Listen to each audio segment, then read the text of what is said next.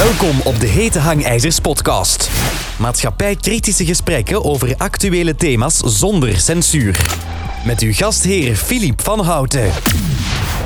Welkom iedereen op de Hete Hangijzers podcast. Vandaag heb ik Geert van den Bossen als gast. Iemand dat ik echt erg naar uitkijk uh, en uitkeek om als gast te hebben. Iemand die een expert is op vlak van virologie en ook een eh, stem uitbracht gedurende de COVID-crisis omwille van de pandemie- en vaccinatiestrategie. Ik heb ook enorm veel vragen binnengekregen van uh, kijkers en luisteraars. Als mensen ook vragen willen insturen, kunnen ze altijd de podcast steunen door te gaan naar hetehangijzers.com steun. En dan kan je ook vragen indienen voor de komende gasten. Omdat ik graag hete bespreek, Geert, momenteel is er in China een witte long syndroom dat blijkbaar vooral bij kinderen effect zou hebben. Kan je iets meer achtergrond geven wat dat daar precies aan de hand is momenteel? Ja, kijk, uh, ja, enfin, eerst en vooral bedankt om mij uh, uit te nodigen op uw uh, podcast. het is, het is niet zo dikwijls dat ik mijn stem verhef hier in Vlaanderen. Ik ben destijds een beetje gedegoteerd geweest van, mm -hmm. van al de heisa die mijn, denk ik, terechte opmerkingen gemaakt hebben. Maar goed, dat dat betreft natuurlijk niet de alternatieve media. Dus vandaar uh, sta ik, geef ik graag een, een woordje uitleg. Nu, ja, kijk, eerst en vooral hetgeen dat we dus zien sinds die, ik zal zeggen, die vaccinatiecampagnes en zo verder, is dat we een aantal fenomenen zien die zeer merkwaardig zijn en die niemand uitlegt. En ik zal terugkomen op die witte longziekte bij kinderen, maar ik noem maar een aantal zaken. Hè. Dus uh, ja, plots wordt daar gesproken over de apenpokken die uh, uitbreiding nemen. Ook uh, een aantal andere ziektes die zich plots meer verspreiden. En, en waar dat er gezegd wordt, kijk, er zijn andere pandemieën of epidemieën op komst. dan hebben we ongeveer, denk ik, een jaar geleden uh, een fenomeen gehad, dus ook bij kinderen, bij dezelfde leeftijdscategorie als de kinderen die nu die uh, witte longziekte zogezegd krijgen. En dat noemde toen, ja, hoe dat het in, in Nederlands werd vertaald, weet ik niet juist, maar het noemt dus MISC. En MISC is een afkorting en, en staat voor M. Multisystemic, hè, dus het, de, het tast dus verschillende orgaansystemen aan, multisystemic. De I staat voor inflammatory, dus uh, ontsteking. De S, hè, dus multi-inflammatory syndrome, hè, een syndroom. Een syndroom is iets wat men niet juist weet, is een, samen, een samenhang van symptomen. Hè. En uh, C staat voor children, dus een, een, een aandoening die eigenlijk verschillende organen bij kinderen uh, met inflammatoire, met ontstekingsverschijnselen dus aantast. Uh, niemand weet, is zo eigenlijk ook nooit duidelijk geklaard geweest, uh, waaraan ligt dat. Ondertussen zien we ook een aantal ziektes optreden bij mensen in zeer hogere frequentie of incidentie, meer kankers, meer auto-immuunziekten, noem maar op. En ja, dat wordt zomaar gedaan, of ja, kijk, dat is allemaal toeval, hè? Dat, is, dat komt nu allemaal in één keer te samen. En zo ook dus die uh, witte longziekte, die nu ook al naar analogie van MISC, zou ik zeggen, wordt genoemd uh, wit, longsyndroom, eerder dan pneumonie. Hè. Pneumonie is eigenlijk een infectieuze longontsteking. En uh, ik ga eerst heel, even heel kort zeggen wat dat het zogezegd mysterieuze is.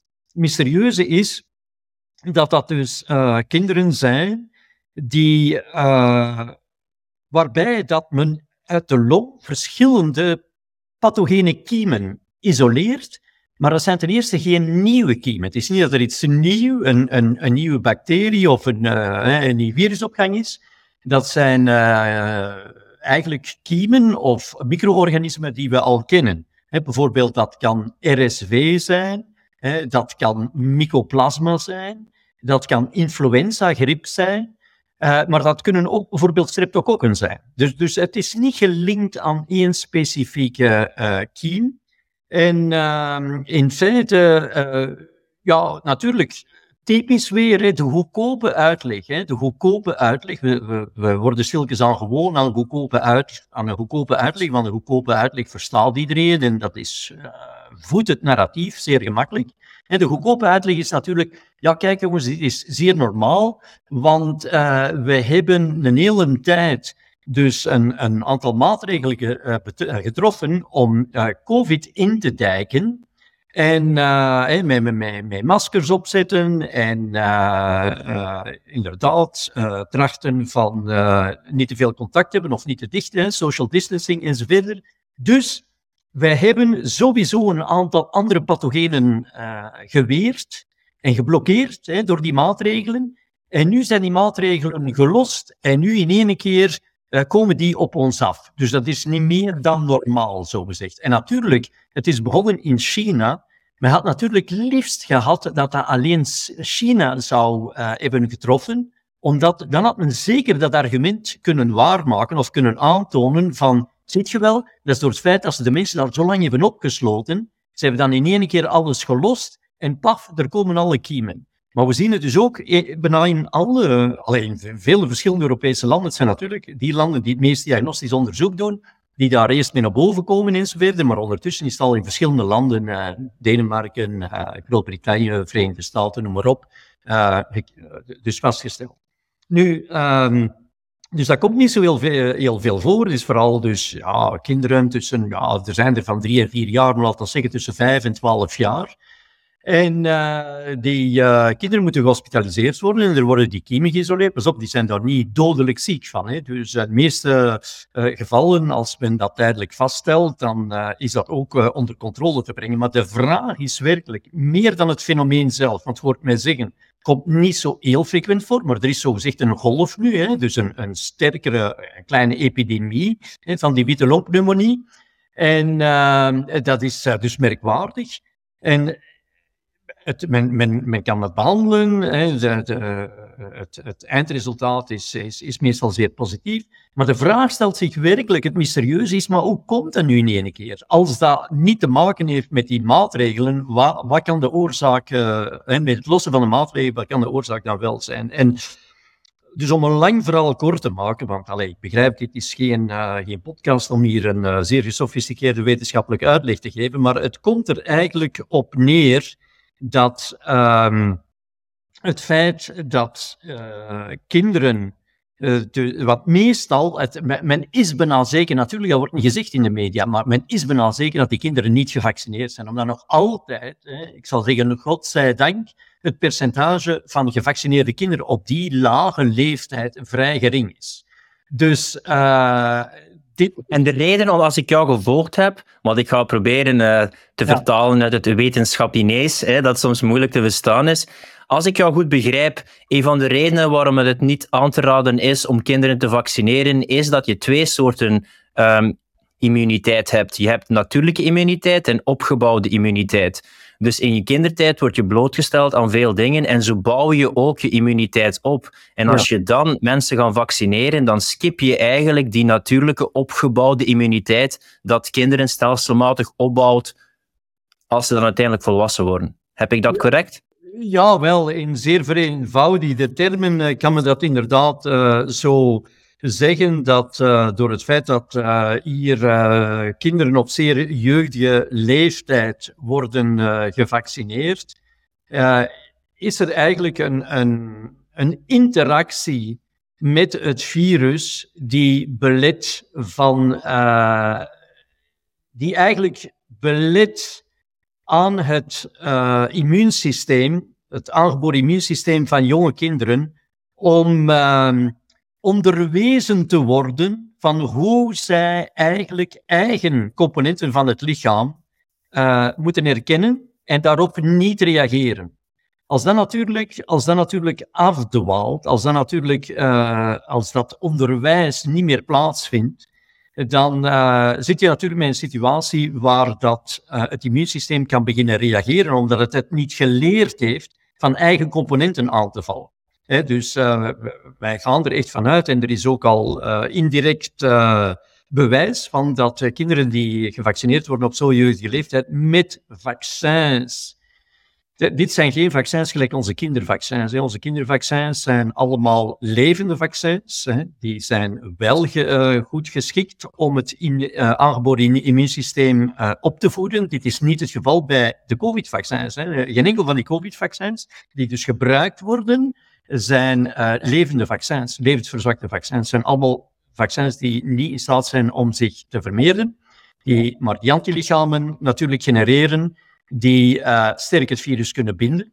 En uh, het jonge kind heeft aangeboren antilichamen die ook het virus kunnen binden. En die binding met het virus leidt ertoe dat eigenlijk het aangeboren immuunsysteem kan opgevoed worden. Als nu de antilichamen van het vaccin dat virus gaan binden en de aangeboren antilichamen het virus niet meer kunnen binden, dan vindt die opvoeding zogezegd niet meer plaats. En dat, dat is eigenlijk een beetje um, het probleem. Het is zeer, zeer complex natuurlijk, hè, maar het komt er inderdaad op neer dat het uh, geen goed idee is om uh, die kinderen uh, te vaccineren omdat ten eerste, ten eerste ja, zoals dat ik al verschillende keren gezegd heb, dat als men grootschalig uh, ganse delen van de populatie gaat beginnen vaccineren, dan met een vaccin dat niet in staat is om de infectie van het virus te onderdrukken en dus de, de voortzetting van, uh, van het virus, dan ga je natuurlijk immuunvlucht krijgen. Dat is slecht voor de populatie. En dus dat bedoel je de infectie zowel als de transmissie? Want recent, ongeveer een week, twee geleden, had ik iemand gezien, ik denk van Forum voor Democratie, dat zei dat er niet bewezen was dat dat vaccin effectief de transmissie stopt. Wat dat een van de hoofdredenen was voor social distancing, dat we minder mensen konden besmetten. Dat, dat, staat als een bal boven water, hè? dat, dat de, transmissie niet wordt uh, belet uh, door, uh, door deze vaccins. Ik bedoel, dat is ook officieel toegegeven geweest en er is daar die fameuze, uh, uh, die, dat fameuze debat geweest of die vraagstelling van een Europees parlementariër aan iemand van Pfizer. of dat zij dat op voorhand wisten, of daarvan uitgingen dat de infectie ging onderdrukt worden. Ja, dus open ook zei, nee, nee, dat hebben wij ook niet onderzocht en dat was ook niet de bedoeling. Het was de bedoeling om te beschermen tegen ziekte. Dus de transmissie, die kan je niet beletten. En, maar men moet, uh, men moet zeer voorzichtig zijn, want uh, hetgeen dat bijvoorbeeld nu voor het ogenblik aan de gang is, is dat men wel vaststelt dat de uitscheiding van het virus sterk vermindert. Hè. Men meet dat tegenwoordig in de afvalwaters, hè. dus de uitscheiding van het virus. Maar ook al is de uitscheiding zeer gering, vele besluiten daaruit, vele ook, ook onze officiële gezondheidsinstanties besluiten daaruit dat omdat de uitscheiding veel verminderd is, dat de transmissie ook verminderd is. Ja, hè, dat zou ook logisch schijnen. Dus er wordt minder uitgescheiden, dus is de kans op overdracht ook geringer. Dat geldt dus niet, dat geldt dus niet in de huidige situatie, waar dat je ten eerste virus hebt dat zeer, zeer infectieus is. Dus waar dat je bijvoorbeeld voordien 100 viruspartikeltjes nodig had, opdat er eentje zou aanslaan, heb je nu misschien vijf partikeltjes nodig, opdat er eentje zou aanslaan. Dat is één. Ten tweede, als je een situatie hebt waar dan mensen ook een virus overdragen zonder dat ze symptomen hebben. Dus als ze geen symptomen hebben, ja, dan komen mensen bij elkaar natuurlijk. Ze komen bij elkaar, ze zijn zich van niets bewust en dan ga je het virus ook gemakkelijker overdragen. Dus zelfs al is de uitscheiding gering, als je een situatie hebt zoals nu, waar dat vele mensen, men noemt dat asymptomatisch, het virus uitscheiden, en bovendien het virus dat zij uitscheiden ook zeer infectieus is, ja, dan heb je, ondanks de verminderde uitscheiding, nog altijd een hoge graad van overdracht van transmissie. Begrijp je? Maar uh, dus om eventjes ook terug te komen op die uh, witte longziekte, mijn analyse, zoals dat het ook het geval was bij, uh, met MISC, is dat wat daar in feite de oorzaak is van die longontsteking, is de hoge infectiositeit van het virus. Ik bedoel, als een kind geboren wordt norma normaal, de virussen waar dat het mee in contact komt, hebben een relatieve lage infectiositeit. Dus ik ga dat niet in detail uitleggen, maar men begrijpt al, als die infectiositeit laag is, dan heeft het immuunsysteem van het kind tijd om daarmee om te gaan en stelselmatig zijn volwaardige immuniteit op te bouwen. Wat dat er nu gebeurt, is dat die kinderen die zijn een hele tijd, zoals ik er juist zei, beschermd geweest. Eerst en vooral door de antistoffen van de, van de moeder, bijvoorbeeld. Hè. Maar als die dan gaan verdwijnen, dan worden zij in één keer geconfronteerd met een zeer, zeer infectieus virus. Het virus wat nu circuleert is zeer hoog infectieus. Het immuunsysteem is daar, een immuunsysteem is daar niet op voorbereid. Dat is voorbereid op een stelselmatige transmissie, maar niet om wanneer dat de bescherming van de maternale antistoffen wegvalt, ineens met hoog infectieus virus te kunnen omgaan op een manier dat zij niet echt uh, allez, ziek worden. Dus hier worden zij inderdaad wel ziek. Het geeft aanleiding tot sterke ontsteking. En het is waarschijnlijk... Bij gevaccineerde en, en niet gevaccineerde kinderen of bij een specifieke...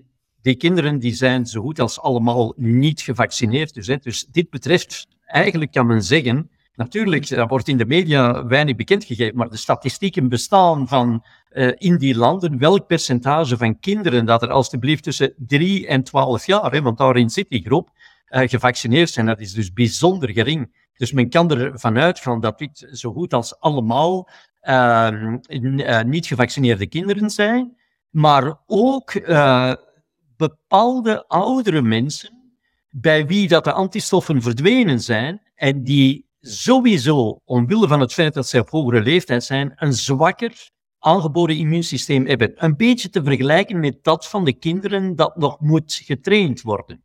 Dus er zitten ook gevallen van die witte longziekte bij sommige hè, oudere, uh, oudere patiënten. En dus uh, het gevaar hier is natuurlijk weer dat er gezegd wordt, ah ja, zie die kinderen worden ziek en zo verder. En uh, ja, soms wordt daar ook natuurlijk corona geïsoleerd, dat is duidelijk.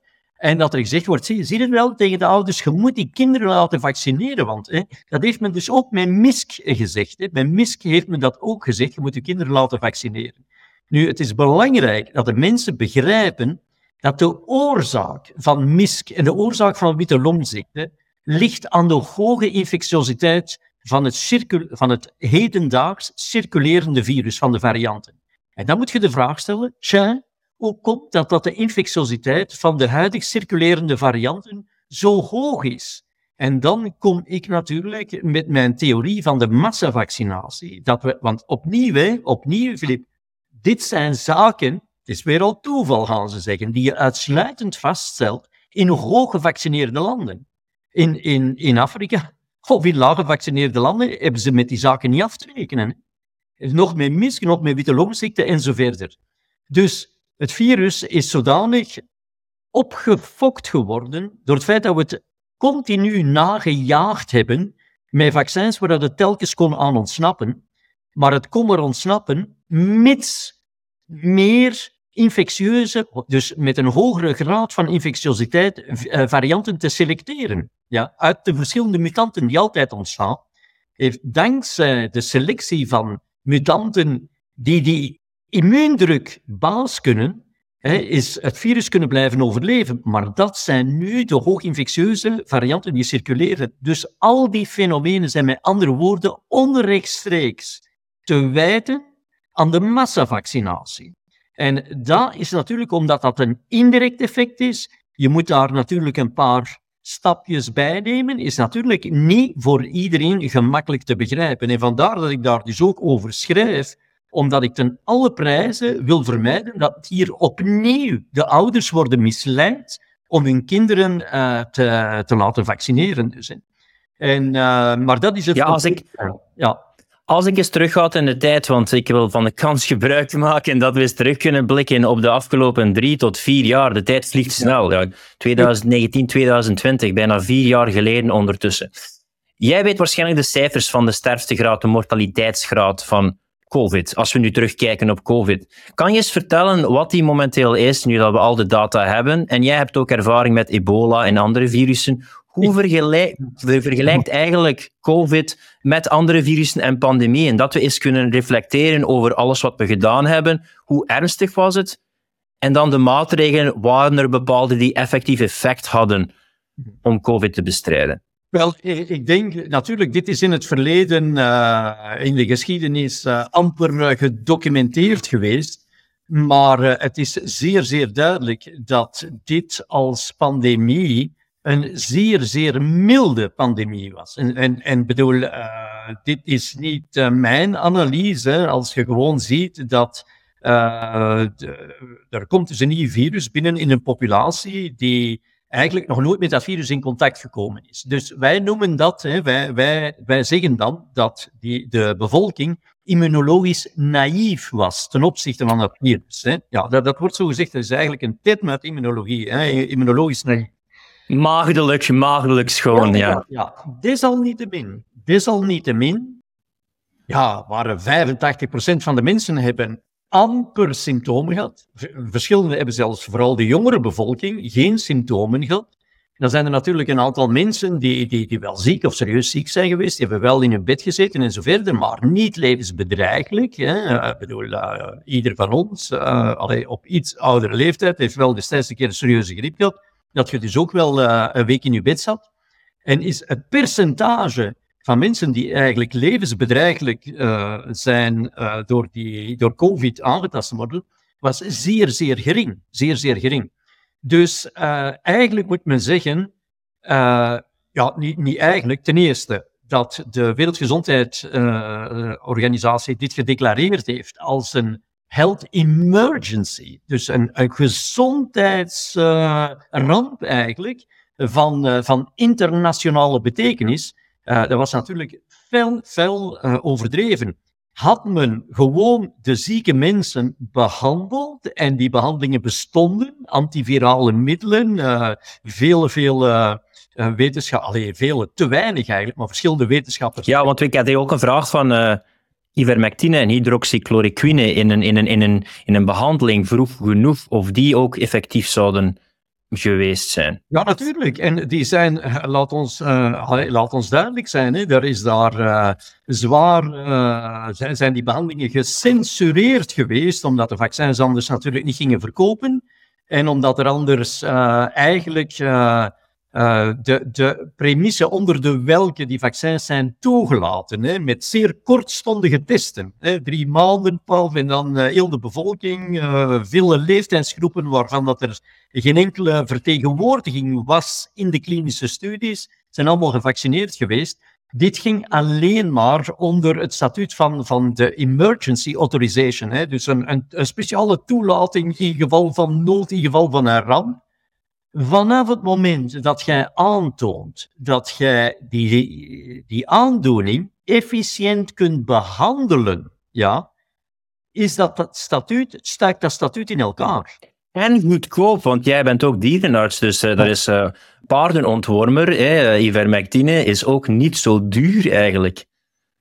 Ja, natuurlijk. Het is, enfin, de, de, de paardenontwormer, dat is uh, gewoon, uh, hoe moet ik zeggen, in het leven geroepen door die instanties, gezondheidsorganisaties en zo verder, om eigenlijk de mensen af te schrikken van ivermectine en zo verder. Het is dus gewoon ridicuul, want er is dus geen enkel medicament, geen enkel medicament dat gebruikt wordt voor humaan en voor veterinair, die je kan switchen. Dit heeft niets te maken met het actieve bestanddeel, wat dat in dit geval evengoed ivermectine is, of dat dat een pasta is voor uh, een wormpasta voor een paard, of dat dat een is. Ah, oké.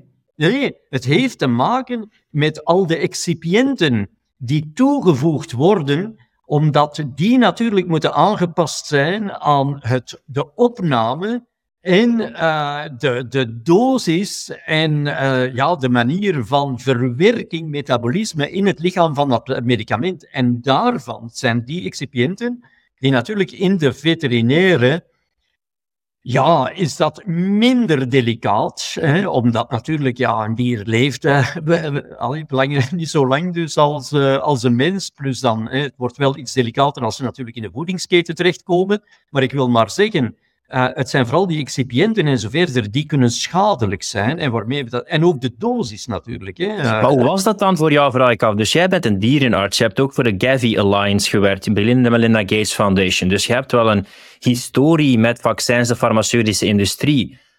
Ja. je eigen medicament promoten, snap ik. Maar dan mensen ontzeggen van nuttige dingen die ingezet worden. Had jij dat ooit gedacht? Wist je ergens dat als je voor die organisaties werkte, dat dat soms kon spelen, maar nooit op deze manier? Hoe was dat voor jou?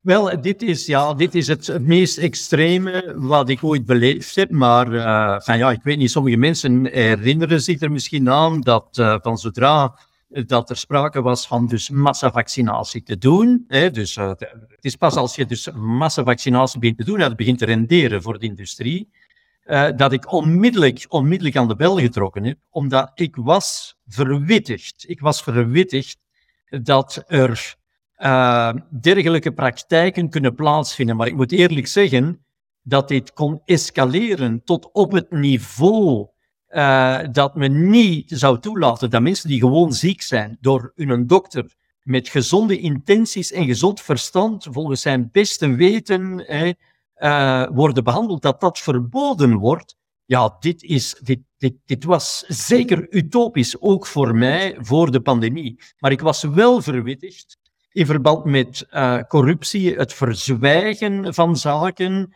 uh, het bedekken met de mantel des zwijgens van grove en, en schandalige fouten, omdat ik de ebola-crisis destijds bij Gavi heb beleefd. En omdat daar, dat was natuurlijk kleinschalig. Er waren maar drie uh, West-Afrikaanse landen daarbij, hè, Afrika. Hoe ja, en ook, ook, ook hoe meer dodelijk een virus is, hoe soms lager de transmissie is en dat het dan ja, beperkt blijft in de... Allee, ik kan ook het fout hebben hier, correct corrigeer me als ik dingen fout zeg. Hè. Maar het was ook een redelijk dodelijk virus, dus het verspreidt minder snel. Dan... Nee, maar eh, wat ik daar aankaart is het feit dat door de vaccinatie die daar gebeurd is van de mensen, mm -hmm onder de auspiciën van de Wereldgezondheidsorganisatie er mensen gestorven zijn, hè, rechtstreeks ten gevolge van de vaccinatie. En er was dus zeer duidelijk opnieuw de ongeloof wat mensen denken. Hè, dat is een punt dat ik echt wil maken. Mensen denken nog altijd dat het allemaal opgezet spel is, dat er complottheorieën zijn. Ik blijf beweren, omdat ik bij, met die organisaties gewerkt heb, zowel bij industrie als Bill Melinda Gates en, en Gapi enzovoort, dat er aan de top van die organisaties, diegenen die eigenlijk de beslissingen nemen, ja, diegenen moeten mensen goed, diegenen die eigenlijk beslissingen nemen, die zijn totaal incompetent dus, hè? incompetent. Dus ik, ik zeg niet, ik hoor mij niet zeggen dat de Wereldgezondheidsorganisatie, dat het allemaal uh, alleen mensen zijn die, die niet competent zijn. Ver van. Ik spreek van de top. Hè? Uh, ik bedoel, dat, dat weet iedereen. Bij alle organisaties, of dat je nu uh, politiek neemt, of je neemt kerk, of je neemt gezondheidsorganisatie, of zover. Als er corruptie is en, en grove criminaliteit bijna, moet ik zeggen, gebeurt dit aan de top. Hè? Het, zijn niet de mensen aan de, aan de basis en zo verder. Ik, ik heb ook een stil geleerd in de industrie. Ik bedoel, uh, fantastische collega's. Hè? Dat zijn geen corrupte mensen allemaal. Maar. Dus, en daar heb ik dus duidelijk gezien dat uh, de beslissing die daar werd genomen, was dus eigenlijk gewoon gebaseerd, ongelooflijk naïef, op de uitroeiing van de pokken destijds. Dus, je weet dus, de pokken die zijn uitgeroeid geweest destijds. Wat heeft men gedaan? Men heeft het principe van de ringvaccinatie toegepast. Dus dat wil zeggen, iemand wordt ziek. Oké, er is een ring van mensen daar rond, een fictieve ring. Dat zijn mensen die direct of indirect contact hebben gehad met die persoon. Hè, familieleden of vrienden of die in de buurt wonen enzovoort. En die werden dan allemaal, ook bij de pokken, werden die, die werden gevaccineerd. Niet iedereen, hè, dus die ring. Vandaar het woord ringvaccinatie.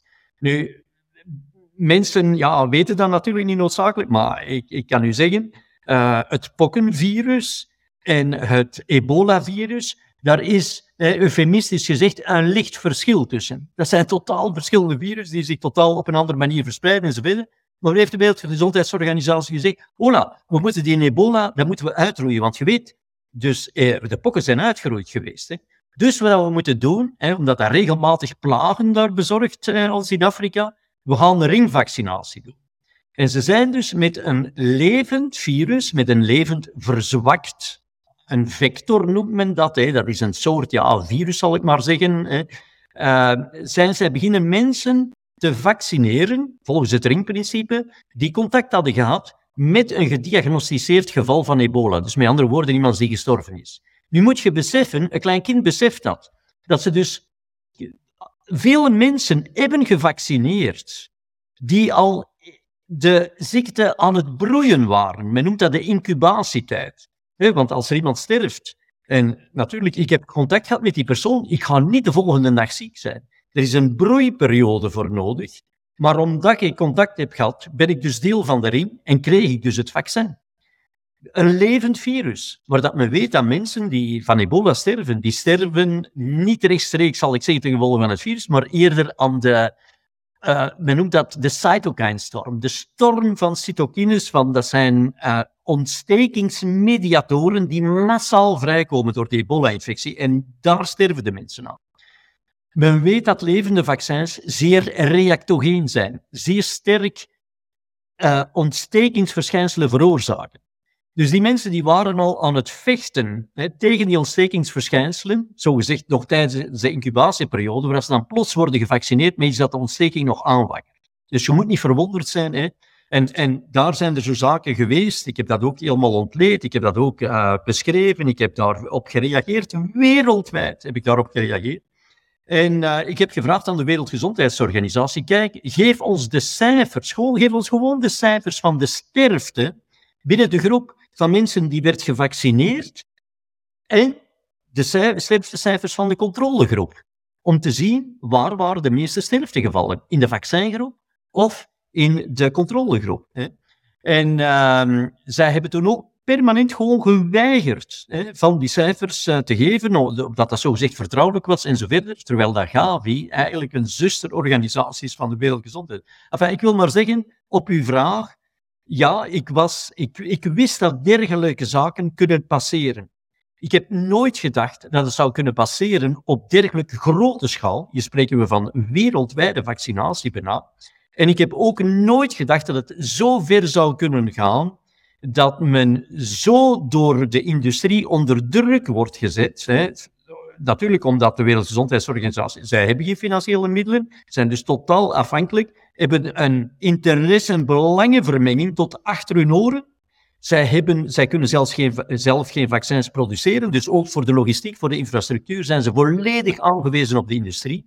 Maar ik heb nooit gedacht dat zij dat dan uh, zo gezegd de deur die ze opend hebben voor industrie, dat ze zich gingen beschermen en zogezegd een beslissing verdedigen door de behandeling van patiënten te blokkeren. Want het was alleen door die behandeling te blokkeren dat eigenlijk het statuut van emergency authorization, van een toelating in geval van nood, eh, kon passeren. En dat dat kon gehandhaafd worden. Ja was er duidelijk aangetoond aan de mensen, jongens, je moet je hier niet te veel zorgen maken vanaf dat je symptomen hebt. Kijk, er is een protocol, ga naar die dokters, die, die hebben allemaal die protocols gekregen, je wordt behandeld en, uh, en, en je geneest ervan. Natuurlijk sterven er altijd hier en daar mensen, maar goed, van de vele sterftegevallen ging er tenminste 80% uh, eh, kunnen genezen door die behandeling. Want dan valt heel die emergency authorization plat. Dus dat wil zeggen dat op dat moment geen enkel van die vaccins nog mag toegediend worden. Ja? Dus eh, dat is natuurlijk, eh, maar je zit daar natuurlijk met een ongelooflijke belangenvermenging, politiek en natuurlijk de Wereldgezondheidsorganisatie en de industrie enzovoort, die tot ene pot nat worden. Een ongelooflijk machtige lobby, waartegen dat dus spijtig genoeg weinig uh, aan te vangen is. Ik heb daar gewoon een klein staaltje van mogen opsnuiven, zo gezegd, zeven, acht jaar geleden met de ebola-crisis in, in West-Afrika. En ik was er toen al maandenlang, maandenlang niet goed van. Hè. Iedereen wou mijn rapport zien, maar niemand, hè, niemand heeft erop gereageerd. Hè. Niemand heeft erop gereageerd. Het is gestuurd naar de CDC, naar de NIH, naar de regulatoire instanties in de Verenigde Staten, in, uh, in Europa, noem maar op dus. Hè. Eh, Wereldgezondheidsorganisatie zelf, Gavi, Bill and Melinda Gates Foundation. Niemand, niemand heeft Maar iedereen wou het wel lezen. Iedereen wilde het wel lezen. Hè. Ik ben er nooit op gecritiseerd geweest, ook niet. Dus, uh... Ja, dat moet enorm frustrerend zijn van uh, mensen die echt uh, goed onderzoek doen, goede wetenschappers, en dat dan zien dat... ik zou het ook toen de John Hopkins Institute, die hele kaart naar buiten kramt van de dodelijkheidsgraad. Ja, natuurlijk, als je een virus hebt en enkel die mensen gediagnosticeerd worden die gestorven zijn, ja, dan gaat de mortaliteitsgraad natuurlijk heel heel hoog liggen. Als je nu terugkijkt, als we een kostenbatenanalyse doen van alle maatregelen die gebeurd zijn met COVID, mondmaskers, social distancing, die sociale bubbel, de handgel, de avondklok, kostenbatenanalyse, zijn er sommige van die maatregelen die wel een effect hadden en kostenbatenanalyse toch nuttig waren dat we die gedaan hebben. Als we nu achteraf kijken naar de maatregelen.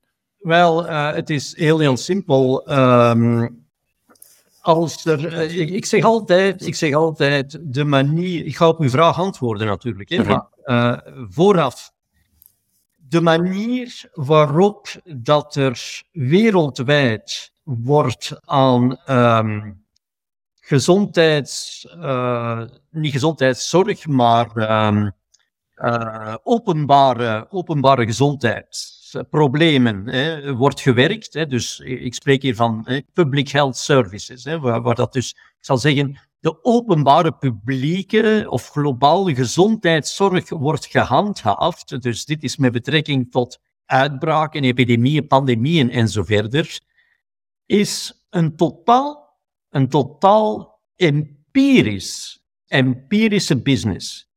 Dat is van, jongens, gelijk destijds ook, hè, zo is de vaccinatie ook ontstaan. Hè. Het was zuiver, we gaan eens iets proberen en zo verder. Die gasten die, allee, geloofd worden nu omdat ze vaccins hebben uitgevonden of omdat ze baanbrekend werk hebben geleverd, uh, Jenner en zo verder.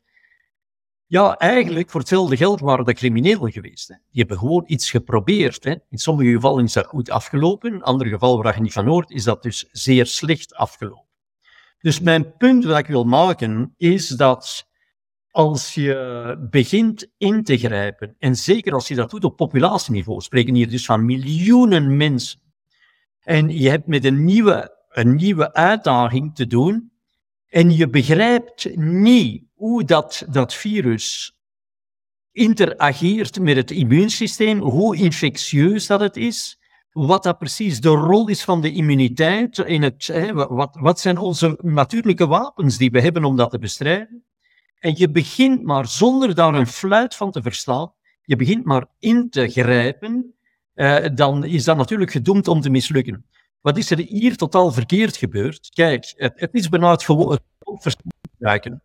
Als je te maken hebt met een milde, met een milde pandemie, dit was vrij mild, ik hoorde mij zeggen, 80, uh, 85% van de mensen hebben er zo goed als geen last van gehad buiten. Ja, een paar dagen. Ja, sommigen zeggen, je kan misschien dat ook zeggen, van een, een, een zwaarste griepseizoen heb je hetzelfde, of is het zelf nog een beetje erger? Of, of is dat fout? Dat heb ja, ik gelezen. Wel, wel, maar je gaat mij horen komen tot het punt. Het punt is dat, en dat is verschillend met de griepsituatie die we hebben, het punt is dat wanneer die pandemie mild is, dat het beste wat je kan doen, het beste wat je kan doen, is toelaten aan het virus om zich te verspreiden. Want wat je dan krijgt, is het fameuze woord groepsimmuniteit. Dan krijg je groepsimmuniteit. Dan gaan mensen die geïnfecteerd zijn, die gaan dus een immuniteit ontwikkelen op een manier dat als het virus een de volgende keer komt bezoeken, dat het gewoon dof is, onmiddellijk uitgeschakeld wordt. Dus dit verklaart al waarom dat je na, tijdens een natuurlijke pandemie... Waarom dat je... en, en, beter resistent is ook tegen uh, mutant, sorry dat ik even onderbreek, ook dan als je die groepsimmuniteit hebt, ook Wel, beter. Maar Filip, dat is juist het punt. Dat is juist het punt. Dat tijdens een natuurlijke pandemie, zeg het, als het virus terugkomt, wordt het onmiddellijk uitgeschakeld. Dus tijdens een natuurlijke pandemie gaat het nooit gebeuren dat een variante de overhand neemt. Er worden natuurlijk tijdens een natuurlijke pandemie ook veel mutanten ontstaan, maar die hebben geen kans om de originele stam te verdringen. Die krijgen alleen die kans als er druk wordt gezet op het virus, zonder dat het, de verspreiding van het virus kan belemmerd worden. Maar hoort mij er juist zeggen, tijdens de natuurlijke pandemie, als ik ben geïnfecteerd geweest, ga ik een immuniteit ontwikkelen die als het virus de, de volgende keer bij mij komt, dat het direct aan een slag rond zijn oren krijgt, dat direct uitgeschakeld is. Dus men heeft 1918 de influenza, de Spaanse griep, heeft men kunnen vaststellen aan de hand van uh, DNA-onderzoek, PCR en zo verder, op uh, overblijfselen van ja, uh, lijken die destijds begraven werden, heeft men eigenlijk kunnen vaststellen dat uh, de um, virusstam van influenza, die aan de oorzaak lag van de pandemie, van de Spaanse griep, nog altijd exact hetzelfde virus was, dat nadat er groepsimmuniteit is ontstaan, endemisch is geworden. Dus per definitie, tijdens een natuurlijke pandemie, je gaat dus inderdaad een golf krijgen, misschien twee golven, maar het gaat niet zijn dat de ene na de andere varianten begint te domineren en de oorspronkelijke varianten wegduwt. Ziet je? Dus de groep, dat is te danken aan de groepsimmuniteit. En die groepsimmuniteit die krijg je alleen als het virus zich kan verspreiden. Nu, wat ik natuurlijk wel zeg, maar daar komt het gezond verstand intussen. Als je natuurlijk haarden hebt, waar dat het virus enorm geconcentreerd is, hè, bijvoorbeeld in de, in de favelas, in de slums, eh, etc., dan krijg je natuurlijk een enorm hoge infectiedruk. En dan ga je natuurlijk wel helpen aan het virus om zich te verspreiden, maar je gaat een vrij hoge prijs betalen. Er gaan mensen sterven door het feit dat de infectiedruk zo hoog is. Dus dat moet je zeker vermijden. Maar mensen opsluiten, mensen mondmaskers opzetten, daar afkomen met al die flauwekul van social distancing, zelfs buiten, belet aan het virus om zich te verspreiden. Dus vertraagt of verhindert zelfs de groepsimmuniteit. Als je dan bovendien ook begint te vaccineren, ja, dan is het natuurlijk helemaal naar de knoppen. Want daar gaat je die groepsimmuniteit opzij schuiven ten voordele van een immuniteit die niet in staat is die steriliserende werking te hebben, het virus te elimineren. En dan gaat je natuurlijk je pandemie gaan transformeren in een pandemie van immuunvluchtvarianten. Ja, en ik zal eens een vergelijking doen, want ik ben goed in uh, metaforen verzinnen om soms wetenschappelijke dingen uit te leggen. Het is bijna alsof je wil beschermen tegen de zon. En er zijn mensen die af en toe in de zon liggen en dan bruin worden. Maar eigenlijk met de vaccins smeer je eigenlijk een beetje zonnecrème op. En je denkt dat van die zonnecrème ga ik beschermd zijn, maar dan uiteindelijk verdwijnt die zonnecrème en de volgende keer als je blootgesteld wordt tegen de zon, dan kan je toch nog verbrand worden. Ja, wel. Het is hier, uh, met het, het, hier zou de metafoor moeten doorgetrokken worden naar een zonnecrème die bij het verdwijnen uh, de, niet alleen zorgt voor een zonneslag, maar voor zware brandwonden. Ja. Dus het maakt met andere woorden zeer, zeer veel erger. Dus met andere woorden, je kunt daar alle statistiek bij halen en je kunt daar maandenlang over discussiëren. Maar ik, ik, ik ben iemand zeer pragmatisch. Hè? Voeten op de grond, hetgeen wat men had moeten doen. Het is, is gewoon uh, standaard hygiëne die hebben wij sowieso in onze landen. Dat is natuurlijk anders in, in, in, in ontwikkelingslanden, waar dat, hè, wij, zien nog altijd, er zijn uitbraken van mazelen en zo verder in ontwikkelingslanden. Het heeft natuurlijk te maken met gebrekkige hygiëne, met hoge concentratie van mensen op één en zo verder. Maar standaard hygiëne en het vermijden van um, laat ons zeggen, ik noem dat crowding, het opeenhopen van mensen in één ruimte. Dus bijvoorbeeld, hoe dat zeer nefast is, zeer relevant. Wat doen wij met onze zwakkere mensen? Bijvoorbeeld, wij zetten die allemaal bijeen in rust- en verzorgingstehuizen. Kun je je voorstellen? Dus dat is al een crowdingseffect, maar dan nog meer specifiek van uitzonder, uh, uitzonderlijk bijna mensen, uh, of uitsluitend moet ik zeggen, mensen die al een zwakke immuniteit hebben, een zwakke aangeboren immuniteit, terwijl er precies die aangeboren immuniteit was die ons beschermd heeft tegen, wij hadden geen antistoffen, hè, tegen het binnenkomende virus. Dus daar krijg je natuurlijk, en je hebt dat ook gezien bij het begin van de pandemie, hè, en onze politici maar in hun haar zitten enzovoort, dat was natuurlijk te voorspellen dat dat brandhaarden gingen zijn. Hè. Dus in de plaats van met, met hun vaccins bezig te zijn met hun stomme mondmaskers en met hun lockdowns en wat weet ik allemaal, hadden ze moeten direct realiseren, jongens, we moeten dat virus hier zich laten verspreiden. Maar had ik, had ik dus verantwoordelijk geweest, ik had direct gezegd tegen iedereen, kijk, gaat uw ouders zo rap mogelijk uit die rusthuizen uithalen. want dit zijn natuurlijk de harden waar het alles bijeenkomt. Ziet je het Ja, dat, laten we het hypothetisch scenario doen dat uh, Geert van den Bossen is uh, de directeur van een woonzorgcentrum en jij hebt ook complete autonomie. En je ziet dat er een nieuw virus is momenteel met COVID. Wat zou jij dan doen? Zou je ivermectine voorgeschreven hebben en ze dan weghalen uit die omgeving? Hoe zou jij het dan aangepakt hebben in die concrete situatie met die erg kwetsbare groep voor dit soort virussen. Het is duidelijk dat, en, en ik blijf daarbij, dus dat wij leven natuurlijk in een, in een maatschappij Hè, waar dat uh, iedereen, ja, als je niet met wie gaat werken, uh, kun je het niet meer rondkrijgen. Uh, wij leven in een maatschappij die volledig afgeweken is van, ja, ik zal zeggen, van, van, van gezond verstand bijna, waar dat mensen ook geen tijd niet meer hebben voor die oudere mensen. Hè. Dat vroeger die oudere mensen, dat was uh, de grootouders, de kinderen, dikwijls nog de kleinkinderen die niet in uh, dikwijls huis leefden, zoals uh, ook nog plaatsen in Italië en Dat kan allemaal niet meer. Mensen hebben geen tijd meer. Dus die moeten allemaal bijzitten. Ik, ga, ik blijf het zeggen. Dat zolang dat wij, en dit is met betrekking nu tot de, de modern, gemoderniseerde of geïndustrialiseerde landen, dat onze grote gevoeligheid, hè, we zitten al met een veroudering van de bevolking, één, en dan gaan we ook nog een groot deel van die mensen die zwak en gevoelig zijn, gaan we nog een keer bijeenpakken in rust- en verzorgingshuizen. Oh, natuurlijk zeer gemakkelijk. Hè? Alleen die zitten daar mooi. Hè? Ze hebben nu mooi tv'ken en eh, een paar mooie bloempotten en de mensen komen af en toe en zo. Dit is zeer nefast. Als men spreekt met een grote mond, onze gezondheidsautoriteit, met een grote mond, een fameus woord, hè? pandemic preparedness. Hoe zich voorbereiden op een pandemie.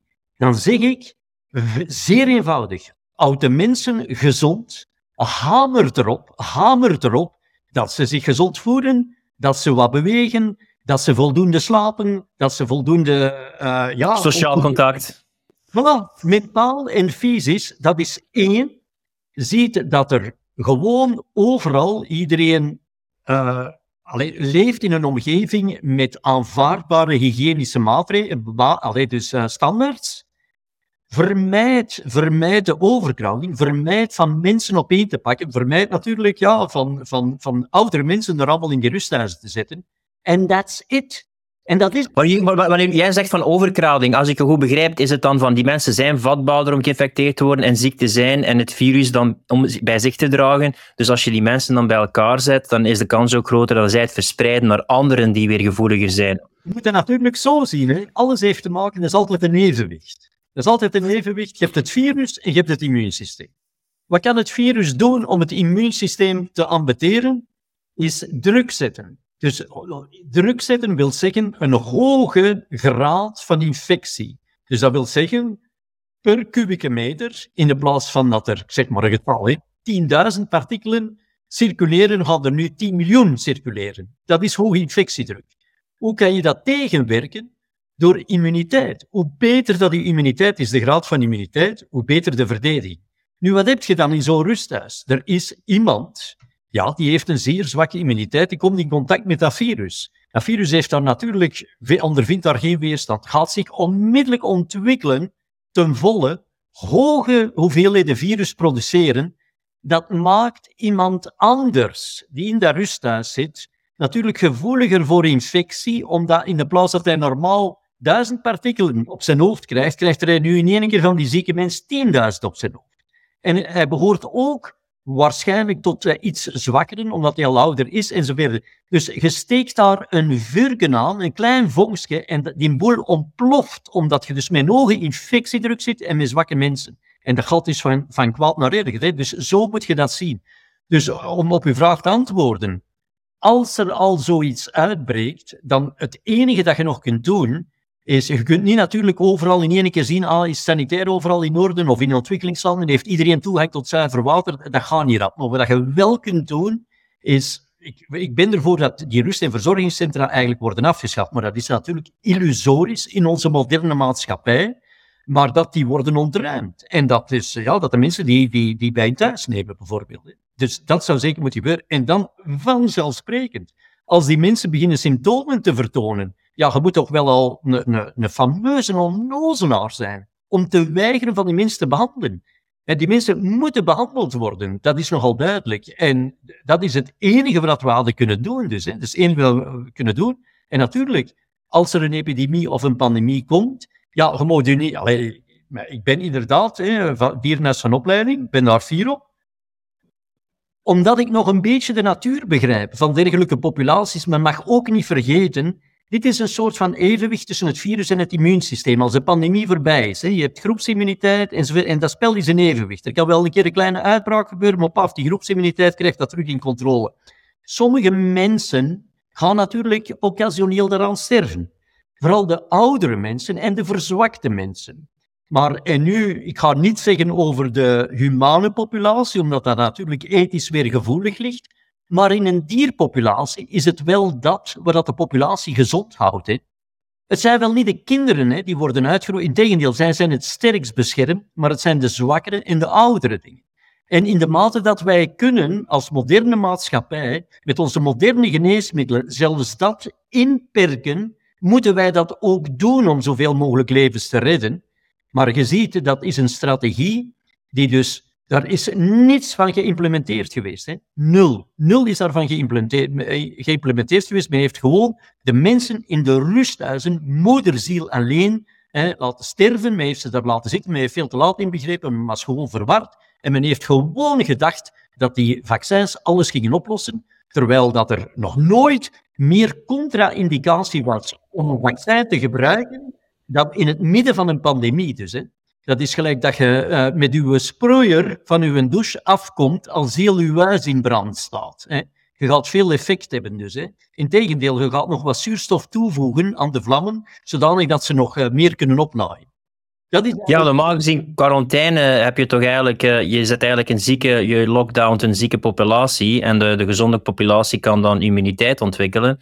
Dus dit is eigenlijk toch nog nooit eerder gedaan dat men een gezonde populatie op slot zet om op die manier een zieke populatie te beschermen. En de research die ik gedaan heb, sommige mensen zeggen dat gebrek aan sociaal contact uh, even schadelijk is voor de gezondheid als, uh, als roken bijvoorbeeld. Dus je maakt het eigenlijk nog eenzamer en nog meer stressvol voor die oudere populatie, die, die al heel kwetsbaar is ervoor. Ja, natuurlijk. Maar allee, ik, ben, ik ben wetenschapper in hart en nieren. Ik, ik, ik moet ervan braken als ik zie dat er maatregelen worden genomen die gewoon wetenschappelijk weten. Ik, ik heb u gezegd, hè, dus eh, die, die openbare gezondheidsstrategie, die hebben niets met wetenschap te maken. Maar die wetenschappelijk gezien gewoon absurd zijn. Dit is een virus wat dat dus vrij infectieus is, wat dat één, wat dat ten tweede zich asymptomatisch kan verspreiden. Dus bij mensen die helemaal niets gewaar zijn, zij kunnen dingen verspreiden. En ten derde, dit virus wordt door de lucht gedragen. Het is niet gelijk ebola, als jij, van, uh, als jij uh, afblijft of geen direct fysisch contact hebt met mensen die ziek zijn van ebola of eraan gestorven zijn, dan ga je geen ebola krijgen is eigenlijk nogal vrij gemakkelijk. Maar natuurlijk in West-Afrika of in Afrika in het algemeen, wel in de rituelen hè, die, die erbij te pas komen om hun gestorven eh, mensen te begraven en te eren en zo verder, is er fysisch contact. En het is daar dat de meesten dat, dat dus opdoen. Maar hier hebben wij te maken met een airborne virus, hè, met, met een virus dat zich via de lucht verspreidt, gelijk influenza.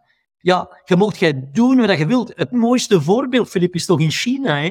Die hebben heel de boel daartoe getimmerd. Als er één geval was, hebben ze een miljoen mensen uh, in, in quarantaine gezet. En ja, Nieuw-Zeeland ook. Uh, één, één leerling op een school en dan werd het uh, land in lockdown gezet, ja, omdat een leerling... In, hebben ze het niet kunnen tegenhouden. Hè? Dus zelfs Chinees zijnde, hè, met al hun discipline, we hebben het niet kunnen tegenhouden. Dus, dus je ziet, dat, dat was op, op voorhand was daar iets verloren. Dat was enorm, enorm stupid eh, allee, voor mij, mijn haren rezen toen al ten berge. Ik, ik heb daar goed... Maar ik weet dat jij ook uh, kritiek hebt, weet, weet je, en ook probeert wetenschappelijk te blijven uh, met betrekking tot uh, complottheorieën. Sommige ervan zijn al uitgekomen, spijtig genoeg.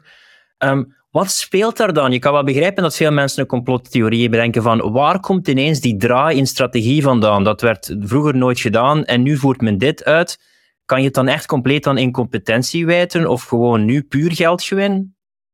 Ja, wel. Uh, kijk, allee, ik zeg altijd uh, dat er uh, complottheorieën ontstaan. dat kan ik maar al te goed begrijpen. Hè. Als je ziet, mensen moeten gewoon maar onze discussie een beetje volgen om te zien hoe incoherent. Hè, want pas op, zijn, de, de, meeste mensen hebben natuurlijk niet die wetenschappelijke inzichten, maar vele mensen hebben, godzijdank, toch nog wel zoiets gelijk een common sense, een gezond boerenverstand dat, met dat gezond boerenverstand kunnen we ten eerste vaststellen, oh, dat lijkt mij helemaal niet logisch. Ik, ik, zie ook niet waarom ik mij vijf, zes keer zou moeten laten inspuiten. Ik bedoel, ik, ik, ik, ben gezond, ik leef gezond, ik, ik zie rond mij, ja oké, okay, uh, voor de vaccinatie, wel oudere en verzwakte mensen. en, uh, dus, dus mensen hebben, allee, toch gedeeltelijk dat gezond verstand. En natuurlijk, zij beginnen ook te zien, hola, uh, die in het begin zei die ons dat beschermt tegen infectie. En nu in één keer beschermen het niet meer tegen infectie. En dan beschermen het tegen ziekte. En nu beschermen het alleen nog maar tegen zware ziekte. En, en, en al die zaken. Dus we beginnen ook te zien, oh, die gasten beginnen zich tegen te spreken. Dan hoe meer dat er eigenlijk, dat het uitkomt dat uw voorspellingen volledig verkeerd waren. En dat dat met de vaccinatie misloopt, beginnen, wordt er ook gelogen. Ja? De zaak is niet meer transparant debatten worden geweigerd. Ik, ik en vele anderen krijgen geen forum om te spreken. Ja. Wat is er dan veranderd de laatste jaren? Denk jij dan dat die supranationale belangen zo groot geworden zijn, dat er zoveel op het spel staat, net zoals je aanhaalde dat de top incompetent is of zo corrupt is, dat dit gewoon een onvermijdelijk gevolg is van die supranationale belangen die steeds groter worden en spelen, dat men nu deze shift gemaakt heeft? Wel, ik uh, blijf er nog altijd bij dat men uh, spijtig genoeg de Wereldgezondheidsorganisatie carte blanche gegeven heeft om die beslissing te nemen. En dan moet je zien wat er gebeurt uh, als die beslissing genomen wordt. Hè, van, want er wordt gezegd, ja, dit is een pandemie, oké, dit gaat vlug. wij kunnen niet iedereen geneesmiddelen bezorgen, dat is dus gewoon commercieel, dat is gewoon onhaalbaar. Dus het enige wat daar zogezegd doenbaar is, is, is vaccinatie. Maar dan zeg je, oké, we gaan mensen vaccineren. En dan zeg je, ja, natuurlijk, dat kost centen. Hola, wij hebben die centen niet. De Wereldgezondheidsorganisatie heeft die centen niet. En ja, wij kunnen ook geen vaccins produceren. Dus deuren open hè, naar de industrie. De industrie zegt, ja jongens, daar willen wij wel inspringen, want ondertussen kunnen wij onze nieuwe platformen zelfs testen. Hè. mRNA, et dat ging in de, in de eerste twintig jaar anders zeker niet op de markt komen. En als het op de markt was gekomen, uitsluitend voor kankerpatiënten in finaal stadium, uh, bijvoorbeeld. Dus die zien daar een enorme opportuniteit en die zeggen, die weten natuurlijk zelf ook dat die platformen onvoldoende getest zijn, dat dat zeer riskant is, maar dan zeggen ze tegen uh, de regeringen en, en tegen uh, de Europese dingen, ja maar ja, uh, de verantwoordelijkheid is wel voor jullie. Hè. Wij, wij zijn niet verantwoordelijk. Ik weet dat dat getekend is geweest. Hè. Maar Filip, je moet je een keer voorstellen in welke in, in, in, in welke wurggreep dat je dan terechtkomt, waar dat er dergelijke belangenvermengingen zijn, dat diegenen die dat getekend hebben, die uh, de Europese Commissie enzovoort die dat getekend heeft, en de politiekers die zich daarmee geëngageerd hebben, ja, die zitten gewoon vast met heel die boel. Dus die weten gewoon, als nu de burger vaststelt dat eigenlijk die ganse vaccinatie minder was dan een scheet in een fles. En dat er eigenlijk meer en meer nu ook die nefaste gevolgen naar boven komen. Ja, dan weten die ook wat dat in te wachten staat. Hè. Dus die kunnen niet anders dan werkelijk dat blijven verkopen als één machtige lobby dat dat werkelijk, de, ja, en, en natuurlijk de, de censuur erbij en, en, en de media, die natuurlijk ook, de media is politiek, hè, want de meeste van die media die behoren tot het dingen. Als je ziet ook eigenlijk de knak die mij er hebben willen belachelijk maken en zoveel, ja, het is gewoon allemaal afhankelijk hè, van, van, van politieke partijen en we weten het allemaal.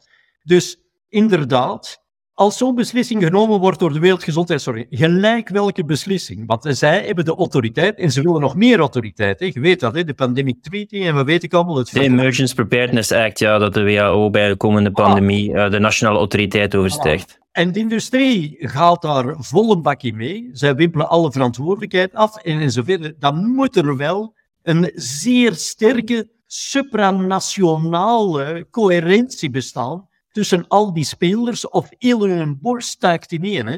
Als in één keer kunt het u voorstellen, de, Europese Commissie had gezegd, ja maar ja, Pfizer heeft wel, of Moderna, de volledige verantwoordelijkheid. Hè. En, en ze gaan mogen betalen als daar neveneffecten optreden en dit en dat zo. Hè. Dus uh, het ging gewoon onmogelijk geweest. En die gasten wisten dat genoeg. Dus die hangen allemaal aan elkaar. Ik kan u zeggen, dat zijn allemaal partijen hè, die op elkaar spuwen. Maar als het erop aankomt, hè, gaan ze zich allemaal natuurlijk verdedigen. Ze gaan zich allemaal verdedigen, ze gaan zich allemaal in datzelfde nest een plaatsje vinden, zodanig dat dat eigenlijk uh, bijna een, een fort wordt dat niet, niet in te nemen is. En ja, dat verklaart inderdaad hoe dat wij zijn gekomen tot een soort van uh, uh, supermachtige instantie die als het nodig is om, om toch maar de schandalen te bedekken, uh, gaan zwaar censureren en, en, en, en represailles nemen die, die eigenlijk voor ons uh, ja, niet alleen onaanvaardbaar, maar die, die, die, gewoon ondenkbaar zijn. Hè. Wij, wij hebben zoiets vier jaar geleden, je sprak er juist over, niet kunnen aan denken dat er zoiets zou, zou zijn, dat men wetenschappers uh, ging belachelijk maken, dat men ging censureren, dat men ging beginnen liegen, dat men ging beginnen zaken ontkennen. En dat is spijtig genoeg de, de trend die we vandaag, die we vandaag zien. Ja. Het is moeilijk te begrijpen, maar voor mij is nog altijd de rotte appel, hè, die, die de ganse boel heeft in gang gezet, de Wereldgezondheidsorganisatie, die na het fiasco van hun ingreep bij ebola, zes, zeven jaar geleden, waren er stemmen die opgingen om heel dat boeltje te ontmantelen. De Wereldgezondheidsorganisatie, om zich te beschermen, heeft zich helemaal geherorganiseerd, nieuw leadership, heeft satellietorganisaties gecreëerd, gelijk CEPI en andere, om zich terug vast in het zadel te zetten. En als die dan de verantwoordelijkheid krijgen, als er zoiets uitbreekt, om beslissingen te nemen, het ja, ja. dan is dat natuurlijk zeer problematisch. Voilà. Um, als we het dan toch hebben over vaccins, hè, ik heb een aantal vragen over vaccins uh, algemeen. Um, hoe kijk jij naar de vorige vaccins? Want we gaan wel dieper ingaan op de vector-based mRNA-vaccins en de vaccins in het uh, verleden. We hebben even ebola aangehaald. Heb je ook bedenkingen bij vaccins die ontwikkeld zijn in het verleden en de vaccins die gebaseerd zijn op de, laten we zeggen, vroegere technologie via antilichamen ontwikkelen en die levende organismen?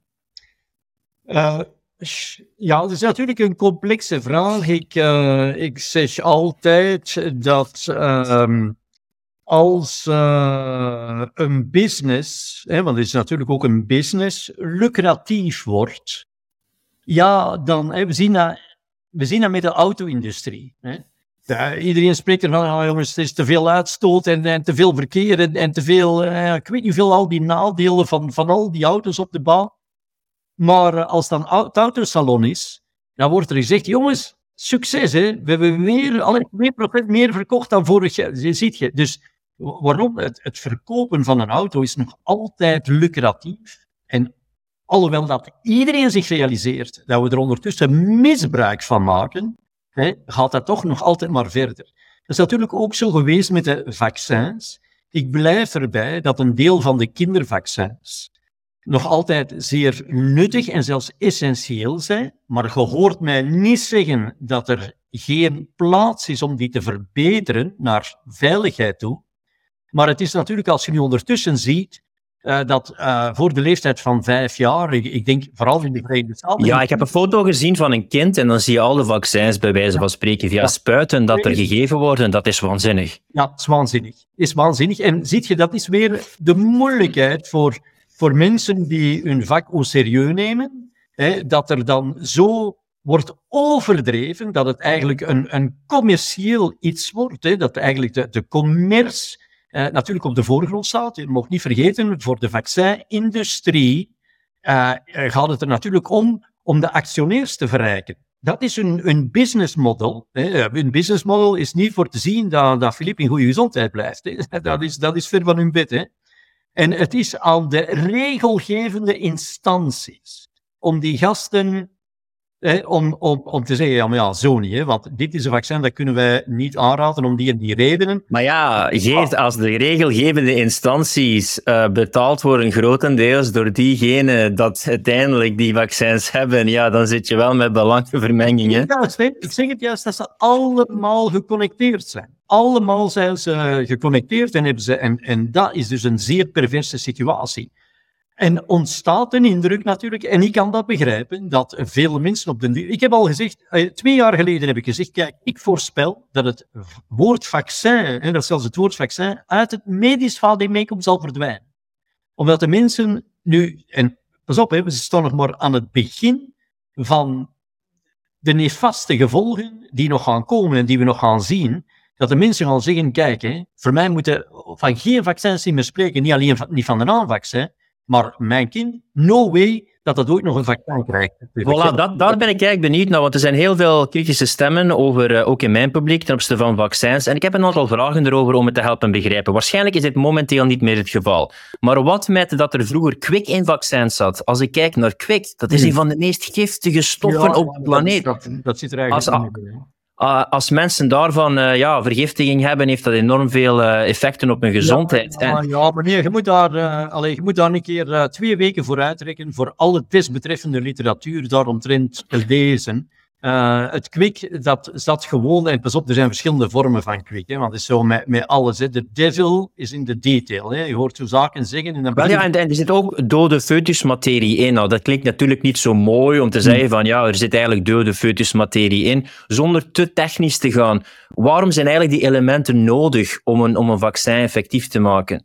Maar veel van die zaken, uh, bijna allemaal, zijn na de, de, de crisis, de dolle koeienziekte, de BSE, hè, uh, dat is nu al twintig jaar geleden zeker, of misschien 25 jaar geleden, voor de oudere tijd gaat zo rap, uh, zijn die allemaal eigenlijk uit de vaccins genomen. Hè. Uh, mensen beseffen dat niet, omdat je moet echt dus kunnen aantonen dat je volledig animal-free kunt produceren.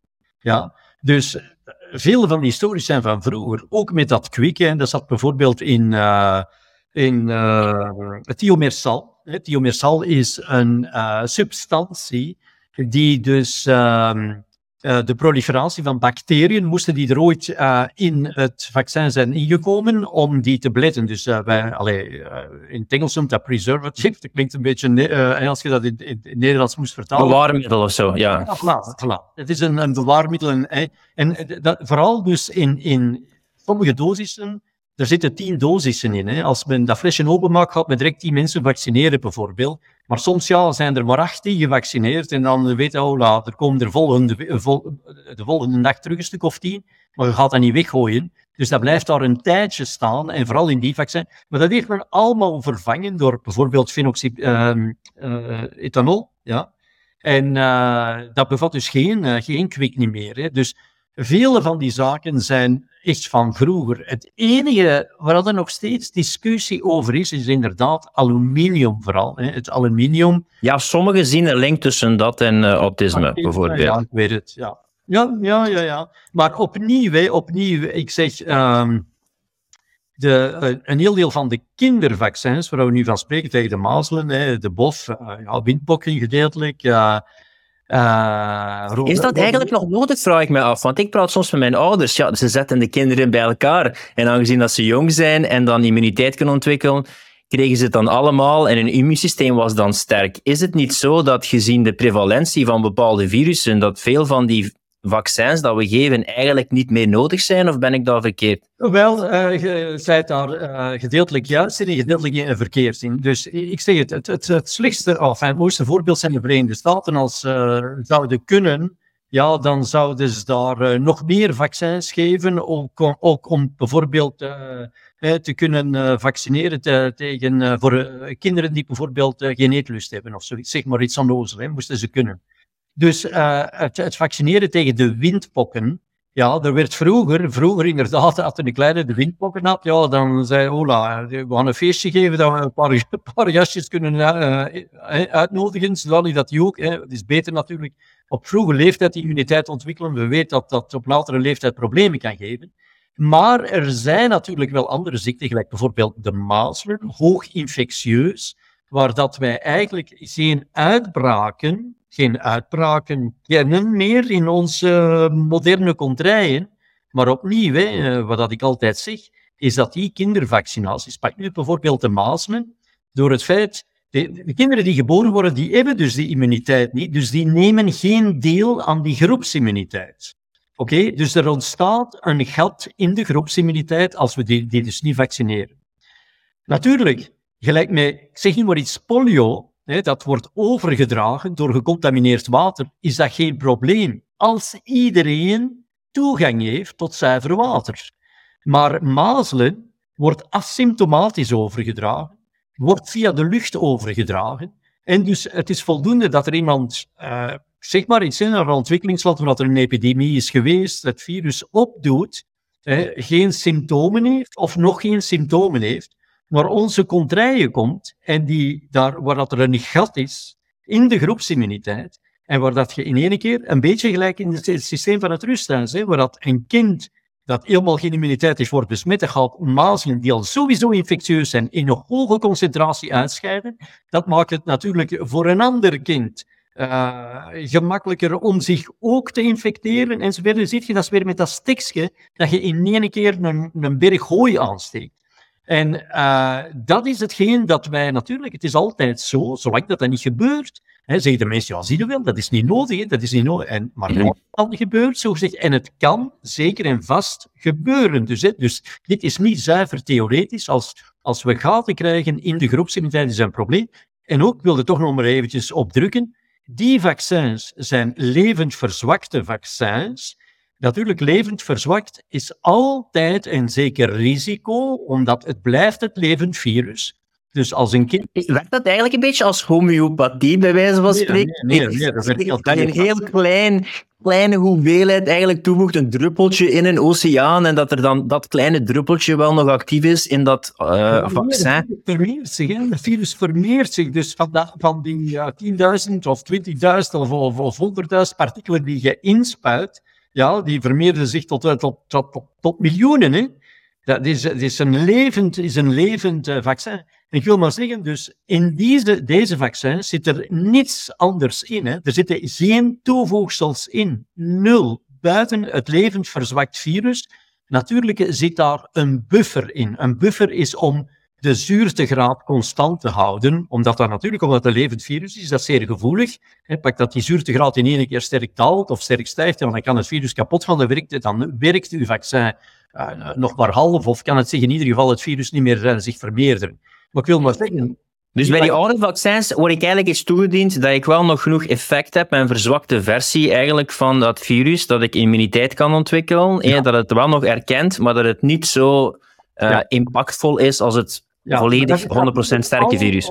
Een mes dat langs twee kanten snijdt, want als je dus toevallig uh, kinderen hebt die al bijvoorbeeld zouden in de incubatietijd zijn en nog geen symptomen tonen, of je hebt kinderen die een genetisch immuundefect hebben, ja, wat ook niet altijd zich onmiddellijk manifesteert, ja, dan kan het natuurlijk zijn, ook ten gevolge van de vaccinatie, het kind ziek wordt. Want het blijft een levend vaccin. Het blijft een levend vaccin. Dus daarmee dat ik er altijd voor pleit dat wij proberen van de immuniteit van onze kinderen en die aangeboden immuniteit en dat gat dat ontstaat in de groepsimmuniteit, van dat weg te werken via, ja, noem het vaccins, ik noem het al, ook al niet graag niet meer vaccins op den duur, maar uh, via, zal ik zeggen, een immuuningreep die niet gebaseerd is op levende, op levende vaccins. Ja maar die gewoon dus eigenlijk uh, zou gebaseerd zijn op een ingrediënt, zeer eenvoudig, dat de immuunafweer van het kind sterkt, de aangeboren immuniteit, zonder dat het gaat over een virus dat zich kan vermeerderen. En dat zou natuurlijk de ideale wereld zijn, omdat mm. De efficiëntie behoudt zonder de neveneffecten. Wij moeten dus meer ons daarvoor inspannen, maar dit heeft zeer veel tegenkanting van de industrie. Waarom? Omdat wanneer dat gezegd, we moeten de aangeboren immuniteit versterken.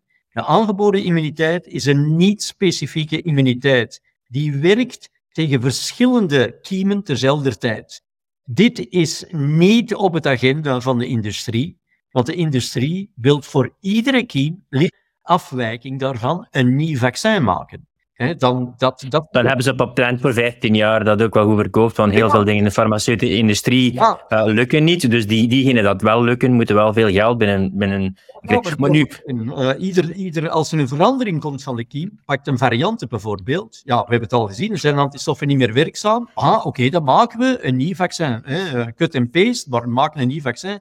Paf, en dat is weer een, een, een, een, nieuwe, een nieuwe opbrengst, zogezegd. Hè. Kunnen ze inderdaad een patent weer vernieuwen. Nu even voor de duidelijkheid. Mensen kunnen misschien luisteren en zeggen van, hm, als de ene kant zegt Geert hier van, kijk, er is een gat in de immuniteit de, bij die kinderen, dus ze moeten de kinderen de oude vaccins geven. En aan de andere kant horen ze in deze episode van, nee, nee, met COVID zou men die kinderen niet moeten vaccineren, want dan kunnen ze groepsimmuniteit ontwikkelen.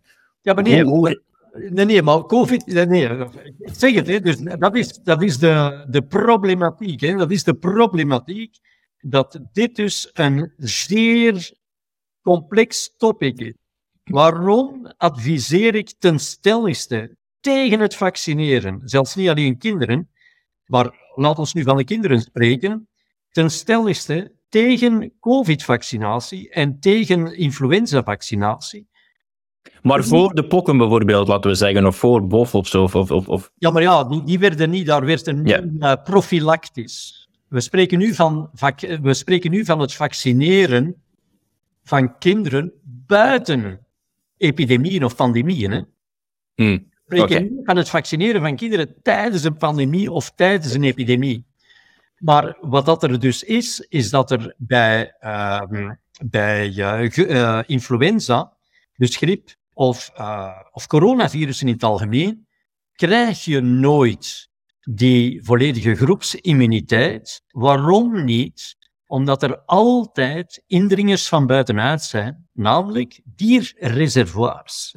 Wij vergeten dat, maar er zijn ondertussen bijvoorbeeld eh gevolgen. Corona komt van varkens, dacht ik, hè, van de jaren 50, 60. Corona is een van de meest voorkomende oké. rhinovirussen. Wel, eh, coronavirussen, maar ook zelfs het SARS-CoV-2. Er zijn volle publicaties ondertussen die aantonen hoe dat eh, verschillende diersoorten ondertussen ook het SARS-CoV-2 beherbergen.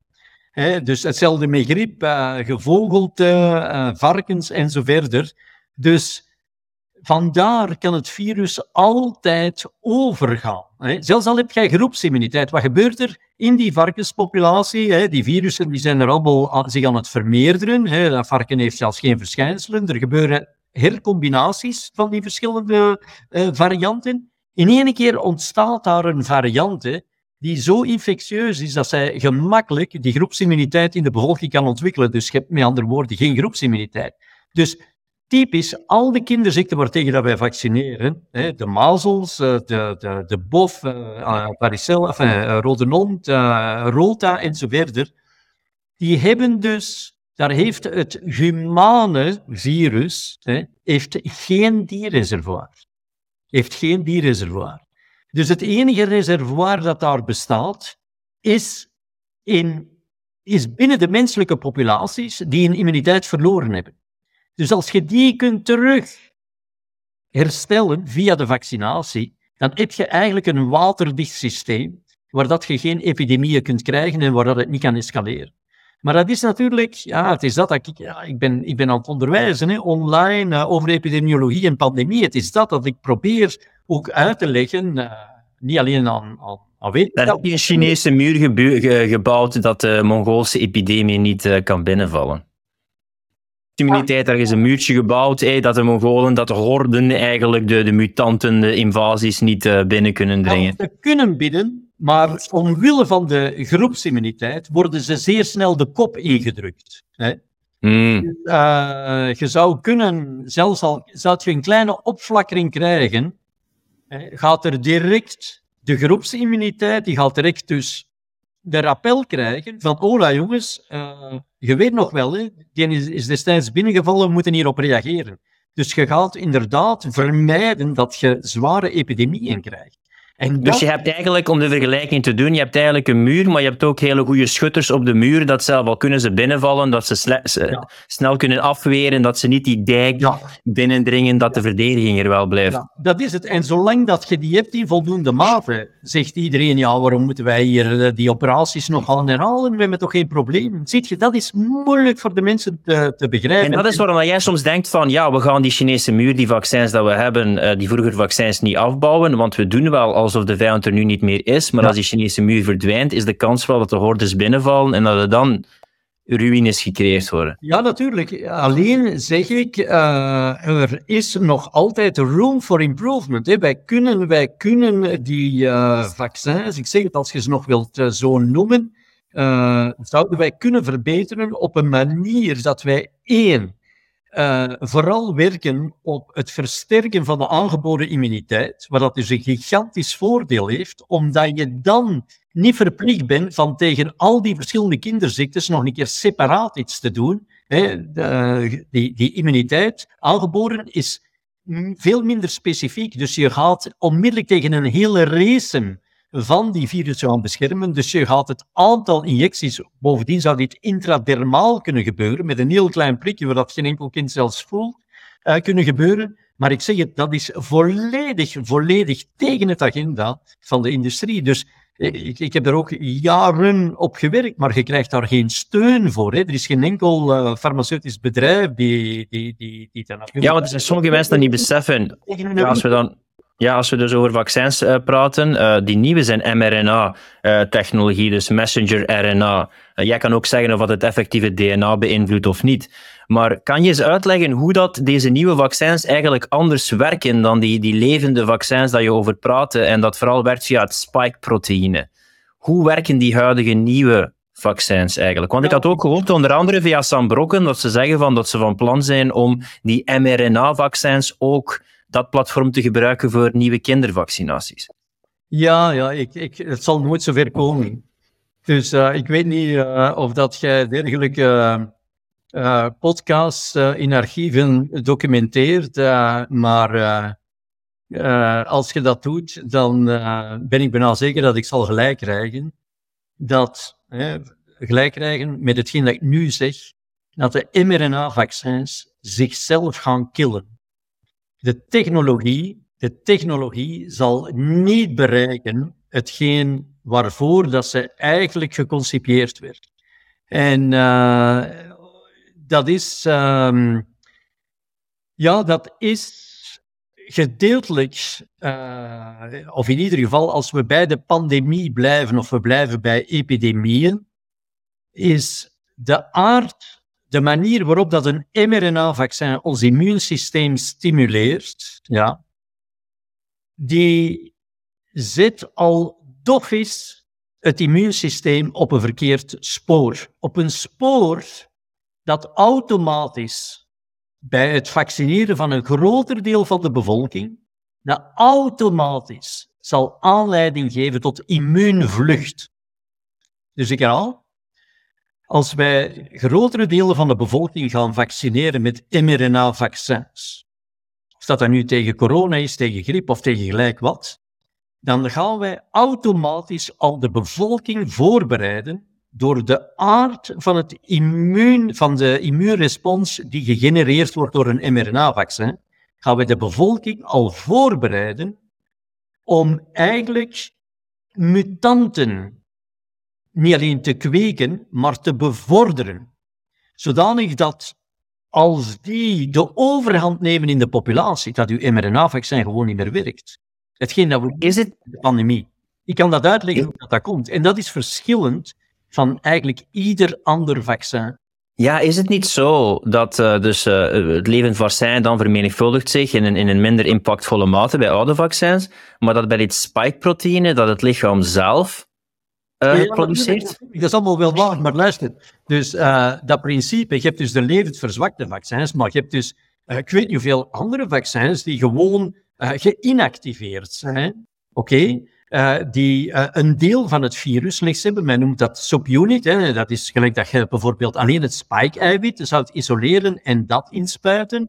Dan zijn er de virus-like particles, waar dat een bepaalde componenten van het virus gaat uh, zich laten spontaan assembleren in een vorm, in een virusvormig partikel, virus-like particle, omdat dat beter wordt opgenomen door immuuncellen en beter gepresenteerd wordt. Maar al dit zijn vormen van niet-levende vaccins. Dus de vraag zou eigenlijk zijn, in hoeverre uh, zijn de mRNA-vaccins, die ook niet levende vaccins zijn, in hoeverre is het immuuneffect van die vaccins verschillend van andere niet levende COVID-vaccins? Hè, zoals bijvoorbeeld... Je moet zeggen niet levende. Waarom is dat heel relevant in deze kwestie van dat het niet levend is? Wel, omdat dus die niet levende vaccins dus niet in staat zijn om het aangeboren immuunsysteem uh, aan te zwingen. En omdat zij, omdat zij dus ook ja, minder sterk het immuunsysteem uh, stimuleren. Vandaar, en nu kom ik tot uw punt, vandaar dat bij deze vaccins ook, dat zijn de typische vaccins waar dat er dus ook adjuvantia worden gebruikt. Hè, adjuvantia, van het Latijn adjuvare, helpen. Hè, dat, dat, die virussen leven niet meer, of het is maar een deel van het virus. En dofis ziet je dat het immuunantwoord veel minder sterk is. Dus heeft men getracht van dat te compenseren door bepaalde componenten toe te voegen, onder andere aluminium bijvoorbeeld, om die immuunrespons sterker te maken. Maar dat doet geen afbreuk aan het feit dat het aangeboren immuunsysteem nog altijd daardoor niet wordt gestimuleerd. Ik bedoel, Als een Mongools Trojaans paard. Ja, noemt jij, noemt dat... Uh... Ja, het is... Het, het, de, de bedoeling is geweest, inderdaad, uh, om alleen de componenten van het virus te nemen die werkelijk een verschil maken. Hè. Bijvoorbeeld, uh, wat dat mensen ook zeggen, uh, bij corona bijvoorbeeld, of bij influenza, is het alleen wat dat eigenlijk relevant is, dat zijn de eiwitten die op de oppervlakte zitten, zoals het spike of het tegen die moet je eigenlijk een immuunrespons kunnen, kunnen genereren. Dus je hebt dat niet nodig van heel het virus uh, in te spuiten. Nu, als je dat niet doet, dan gaan er bepaalde componenten van het virus, die hebben, uh, die hebben als effect niet dat zij specifiek antilichamen gaan induceren, maar dat ze wel een eigen intrinsiek adjuvans effect hebben, dat zij de immuunrespons tegen een specifiek eiwit gewoon gaan versterken. Dus als je dat wegneemt door die componenten te isoleren, dus je houdt je juiste target, hè, uh, antigeen, maar je hebt onvoldoende benzine om die, om die immuunreactie aan te zwengelen. Dus eh, ja, je hebt een voordeel, dat je van al die andere ballast vanaf bent, ook naar de productie toe zeer veel uh, eenvoudiger. Maar je hebt wel een nadeel dat het minder immunogeen werkt. Dus je moet wel iets toevoegen dat dat gaat compenseren. Ziet je? Dus, en, en dat zijn de, eh, de niet-levende vaccins. Die hebben natuurlijk meer van die ingrediënten, zoals aluminium, zoals uh, bijvoorbeeld emulsies, hè, zoals bijvoorbeeld ja, uh, zelfs DNA-fragmenten, CPG en dergelijke, die, die speciaal daarvoor gedacht zijn om het immuunantwoord aan te zwingen. Dit spike, spike-proteïne, dit spitsproteïne. Ja. Wat is eigenlijk zo belangrijk dan? Is dat hetgene dat de reactie teweeg brengt op een virus en de antidingen ontwikkelt en me, me focust op dat spitsproteïne, spike-proteïne te triggeren? Ja, dus uh, het, het uh, focussen op het spike-eiwit is uh, volledig gerechtvaardigd, omdat eigenlijk het spike is verantwoordelijk voor de infectie. Als je dus een coronavirus hebt, en je neemt het spike weg, zelfs het domein, een domein van het spike dat verantwoordelijk is voor het aankoppelen aan de receptor op de gevoelige cel, als je dat wegneemt, ga je gewoon een infectie niet meer. Dus het is wel degelijk legitiem om dat te targeten. Het is hemagglutine bij influenza is hetzelfde. Je gaat dus inderdaad het eiwit gaan targeten dat verantwoordelijk is voor de infectiositeit. Want als je dus vermijdt dat het virus kan aandokken aan de receptor, dan gaat je vermijden dat het virus in de cel kan binnendringen. En maar voor de infectie, de infectie, niet voor de immuniteit. Dus de spike-proteïne speelt een rol bij de eh, infectiviteitsrespons, niet de immuniteitsrespons. Ja, wel, dus ook de immuniteit. Hè? Dus ook de immuniteit, want het, natuurlijk, de eerste keer is er geen immuniteit. Hè? Dus uh, de gastheer wordt zogezegd uh, bij de loven genomen. Hij wordt, wordt bedrogen. Niet één keer is dat virus daar, heeft geen antistoffen of niets. Ja, ik spreek nu niet van de aangeboren immuniteit. Dat virus kan binnendringen.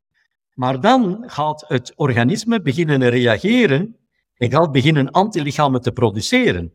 Zolang dat die antilichamen hoog zijn, dat je een hoge concentratie hebt, de volgende keer dat dat virus binnenkomt, vliegen die antistoffen op die spike voordat het kan aandokken aan die receptor van die gevoelige cel. En dat is wat wij noemen de neutralisatie van het virus. Ziet je? Dan heeft het, mm.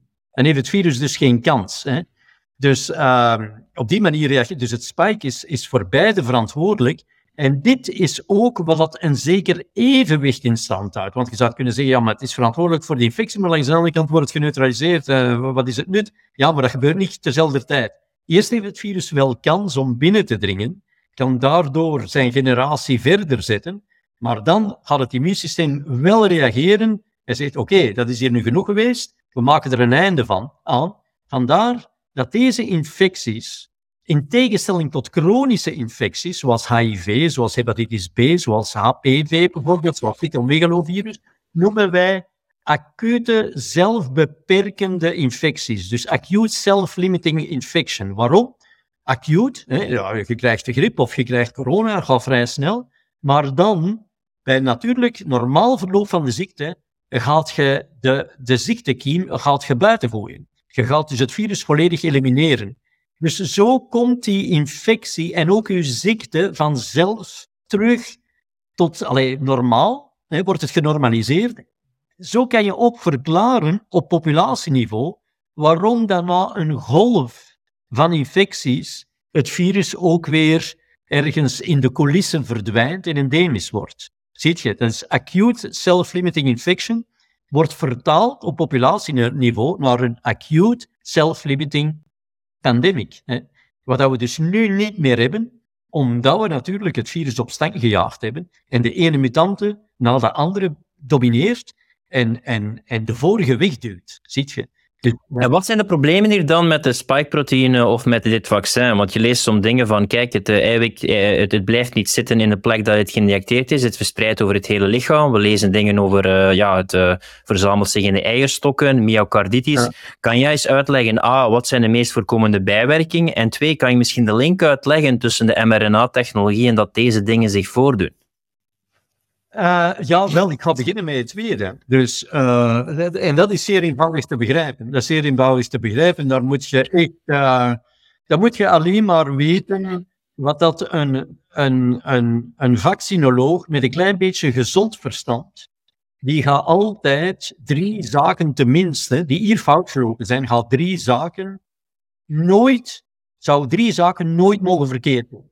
Dus dat wil zeggen ten eerste, als zij een antigeen, hè, zoals het spike, of dat, of dat dan nu het volledig virus is, of dat een deel van het virus is, wij noemen dat antigenen. Antigenen zijn stoffen waar, die het immuunsysteem kan herkennen en, en, en uh, uh, antilichamen tegen produceert. Je gaat altijd, als je dat inspuit, gaat je altijd perfect, perfect je dosis willen bepalen. Je gaat je dosis willen bepalen. En dat wordt in de kwaliteitscontrole van de vaccins, wordt dat ook zeer rigoureus vastgelegd dat de dosis van uw antigeen steeds dezelfde moet, moet zijn. Er zijn specificaties voor, met een kleine standaardafwijking. Ja, dat kan een heel klein... He, dus dat is perfect gedefinieerd en, en die kwantificatie moet op ieder lot, op ieder batch gebeuren. Ten eerste, als wij dus dat inspuiten en wij laten het het lichaam door het lichaam produceren, het spike, want dat is het principe, de, wij spuiten de mRNA in, de mRNA gaat binnen in de cel, begint het eiwit te produceren. Er is natuurlijk geen kat, geen kat die weet hoeveel antigeen wordt daar juist geproduceerd. Dus dat is al één ding dat je als vaccinoloog zeker niet wilt doen. Het tweede, wanneer je wilt natuurlijk ook wel weten, al de vaccins, men noemt de, de, departementen in de farmaceutische industrie die vaccins, vaccins produceren, noemen meestal biologicals. biologicals hè. Ook monoclonale antilichamen zijn biologicals biologicals, dat heeft iets zuiver, vandaar dat het mij ook interesseerde, omdat het gemakkelijk degradeerbaar is. Eh, antistoffen of uh, een eiwit, bijvoorbeeld, of zelfs een viruspartikel, wordt binnen enkele uren gedegradeerd. Ja, op een volledig biologische manier. Als ik natuurlijk die mRNA inspuit en die, begint, die wordt geproduceerd, er is geen kat die weet hoe lang dat, dat geproduceerd wordt. Dus het is niet zo dat dat na één of twee dagen verdwijnt, gelijk een antigeen dat inspuit, dat volledig, hè, het kan wel gedegradeerd worden, maar er is geen kat die weet hoe lang dat, dat uh, geproduceerd wordt. Dus het tweede principe van de vaccinologie, dat hier volledig verkracht wordt. Ten derde, als ik dus een uh, vaccin inspuit, hè, je weet, ofwel subcutaan, ofwel intramusculair en zo verder, dan weet ik ook dat dat daar ter plaatse zit en maximaal, maximaal zich gaat, en dat is ook goed, dat is ook de bedoeling, naar de regionale lymfeklieren gaat dat zich verspreiden. Want in de regionale lymfeklieren zitten de immuuncellen die dat spel goed kunnen herkennen. Dus, maar met andere woorden, dit blijft gelokaliseerd. je hoorde mij er juist zelfs zeggen over iets dat intradermaal wordt ingespoten. Daar kun je praktiseren, want dan vormt zich dan zo'n klein blaasje. Hola, daar is het en daar zit het en nergens anders. Als ik dus mijn mRNA inspuit, en dat zit dus hè, in die nanopartikeltjes die met dus die lipiden omringd zijn, ja, dan is het inderdaad aangetoond, er is geen discussie over, dat zich dat mRNA naar verschillende organen kan verspreiden. onder andere ook, ja, natuurlijk, lever, mild, geslachtsorganen, eh, noem maar op, hersenen en. En dus kan dat in verschillende organen, for God's sake, tot, eh, tot expressie gebracht worden. Ondenkbaar in de klassieke vaccinologie dat zoiets zou toelaatbaar zijn. Dus derde principe, dat, van de vaccinologie dat totaal verkracht is geweest door die mRNA-vaccins, alleen al, alleen al door het principe van dat door cellen te laten produceren uh, in het lichaam zelf, in plaats van buiten het lichaam, waar dat je alles onder controle hebt. Hè. Dus, en natuurlijk de gevolgen daarvan, ja, je, moet daarvoor geen wetenschapper zijn. Als ik begin met, met een vreemd eiwit uh, langere tijd tot expressie te brengen, en dat in verschillende organen. En, uh, en in, in, mogelijk zeer hoge dosissen. Hè, dus het, uh, het hemagglutine bij influenza, dat is een beetje het equivalent van spike. Daarvan weten we ook dat dat, natuurlijk rode bloedcellen doet agglutineren, hè. Dus dat heeft een invloed in hoge concentratie op ja, bloedstollingsevenementen spike gelijkaardig. Als je gewoon wordt geïnfecteerd door spike, tenzij dat je dat, die infectie niet natuurlijk onder controle krijgt. Hè. Bij mensen met zwakke immuniteit, onderliggende ziekten, die immuunsuppressieve medicamenten nemen, noem maar op. Maar normaal, een gezonde mens, oké, die wordt geïnfecteerd door spike. Dat virus produceert ook spike natuurlijk. Hè. Wordt geïnfecteerd door het virus, produceert spike. Maar zoals ik juist zeg, door het mechanisme van de immuniteit wordt die infectie, hè, acute self-limiting, tot, stand, eh, tot stilstand gebracht die productie van dat spike stopt, dat wordt afgebroken, je bent niets gewaar. Maar als dat spike maar blijft geproduceerd worden in hoge hoeveelheden van eigens, dat komt hè, in het bloed en dat kan inderdaad uh, bloedstollingsproblemen teweeg brengen. Dus dat zijn onmiddellijke nevenverschijnselen die je al op voorhand had kunnen afleiden uit het feit dat hier een onrechtmatige toepassing is gebeurd van de vaccinologie. Uh, en die bloedstolling dan, zijn dat, wat zijn de meest drie voorkomende bijwerkingen dat we momenteel hebben van, uh, van de vaccins? Um, Wel, ja, maar... Die, die myocarditis, want sommigen zeggen, en je kan ook, uh, sommigen zeggen dat er grafeenoxide zit in de vaccins en dat dat zoals kleine mesjes zijn en dat dat daarom hartproblemen creëert. ik weet niet wat er van aan is of niet, maar ik vraag me wel af van, hoe wordt dit dan veroorzaakt? Weet jij wat de meest drie voorkomende bijwerkingen zijn momenteel? en, en... Het is, het is zeer, zeer, uh, zeer complex natuurlijk. Een van de zaken die al natuurlijk volledig, ik ga zeggen, een klassiek vaccin probeert in feite nog altijd van de natuurlijke infectie te imiteren. Alleen is het verschil, als jij die imitatie al gedaan hebt, voordat je blootgesteld wordt aan het virus, ja, dan zijt je al beschermd. Vandaar dat dat je je moet preventief laten vaccineren. Je hebt zogezegd de infectie al ondergaan, maar het is een beetje gefaked geweest. Maar goed, je hebt je antistoffen. Voilà. En dus, dat, dat is het principe van alle vaccins die eigenlijk die anti, uh, antistoffen induceren.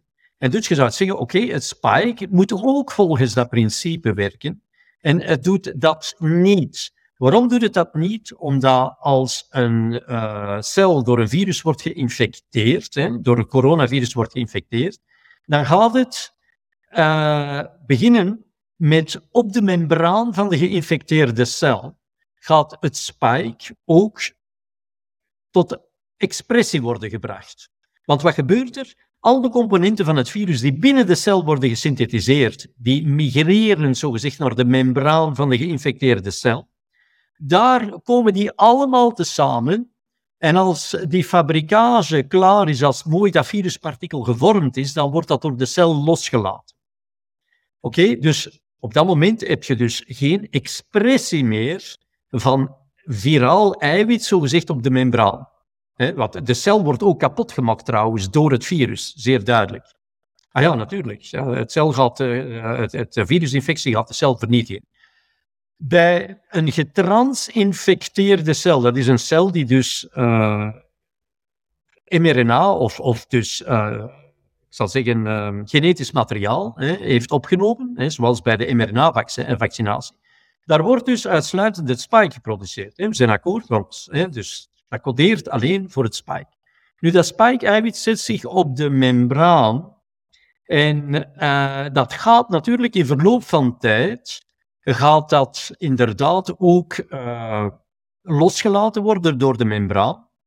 Maar je weet dus dat die mRNA-vaccins, dat die mRNA, enfin, je weet dat of je weet dat niet, die zijn gestabiliseerd. Normaal is dat zeer fragiel en wordt dat zeer snel afgebroken. Hier is er een ingreep gebeurd uh, om het mRNA te stabiliseren. Dat wil dus ook zeggen dat de expressie van het spike op de membraan van de cel ook langer aanhoudt. Maar dat eiwit dat daar zit, een vreemd eiwit op de achtergrond van een celmembraan, die wordt door antilichamen ook erkend. Die antilichamen die gaan daarop reageren, die gaan ontsteking veroorzaken en die gaan in alle organen waar dat een dergelijke expressie plaatsvindt, dus als dat uh, inderdaad de organen bijvoorbeeld betreft van de lever of, of, van de ovaria, het weefsel, dan gaan daar zware ontstekingsreacties ontstaan, die niet ontstaan bij natuurlijke infectie, omdat eigenlijk die expressie daar zeer transiënt uh, allee, dus, dus van... Als ik, het, als ik het vertaal vanuit het wetenschap zou dat dan betekenen dat uh, je anti, dat je eigenlijk uh, anti-immuniteitsreacties ontwikkelt en dat ze beginnen schieten op de verkeerde delen van het ja. lichaam? Ja, ja. En, en, en dus door die, uh, door die beschieting ontstaat er eigenlijk een zeer, uh, een zeer negatief uh, effect. We hebben dat dus ook gezien, al die ontstekingsreacties die ontstaan in die, uh, in die verschillende organen.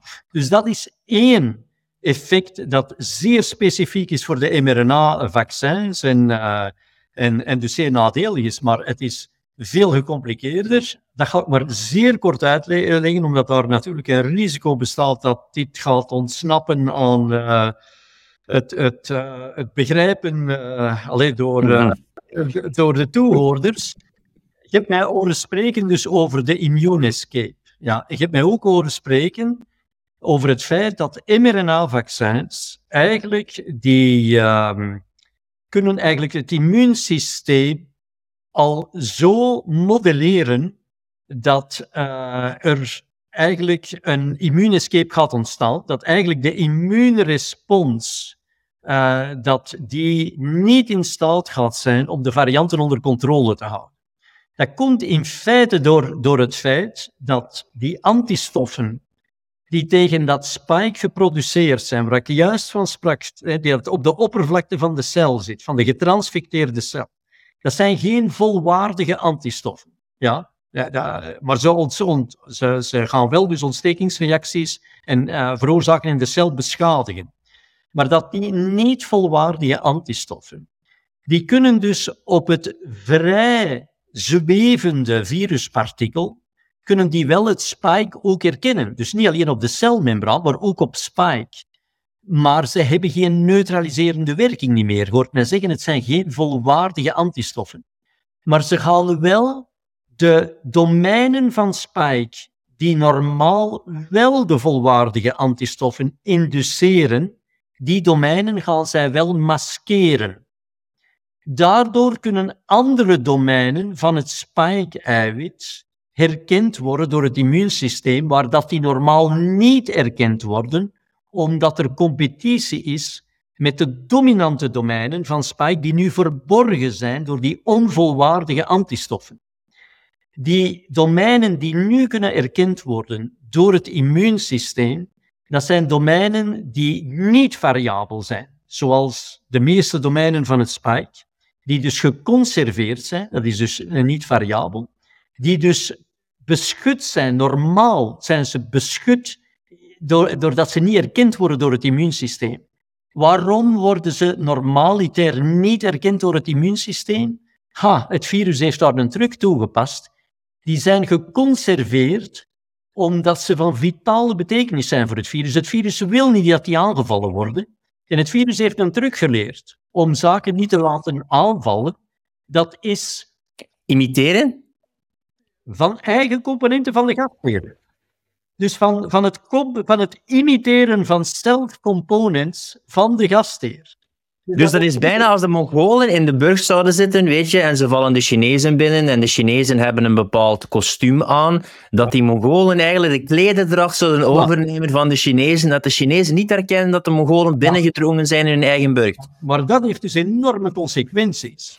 Want dat betekent dat ten eerste de antilichamen die nu tegen die geconserveerde gebieden gaan eh, gegenereerd worden, die kunnen nog altijd wel gedeeltelijk neutraliseren, maar ze gaan veel minder neutraliseren, omdat die geconserveerde domeinen, hoor het mij zeggen, minder immunogeen zijn. Ze worden minder erkend door het immuunsysteem.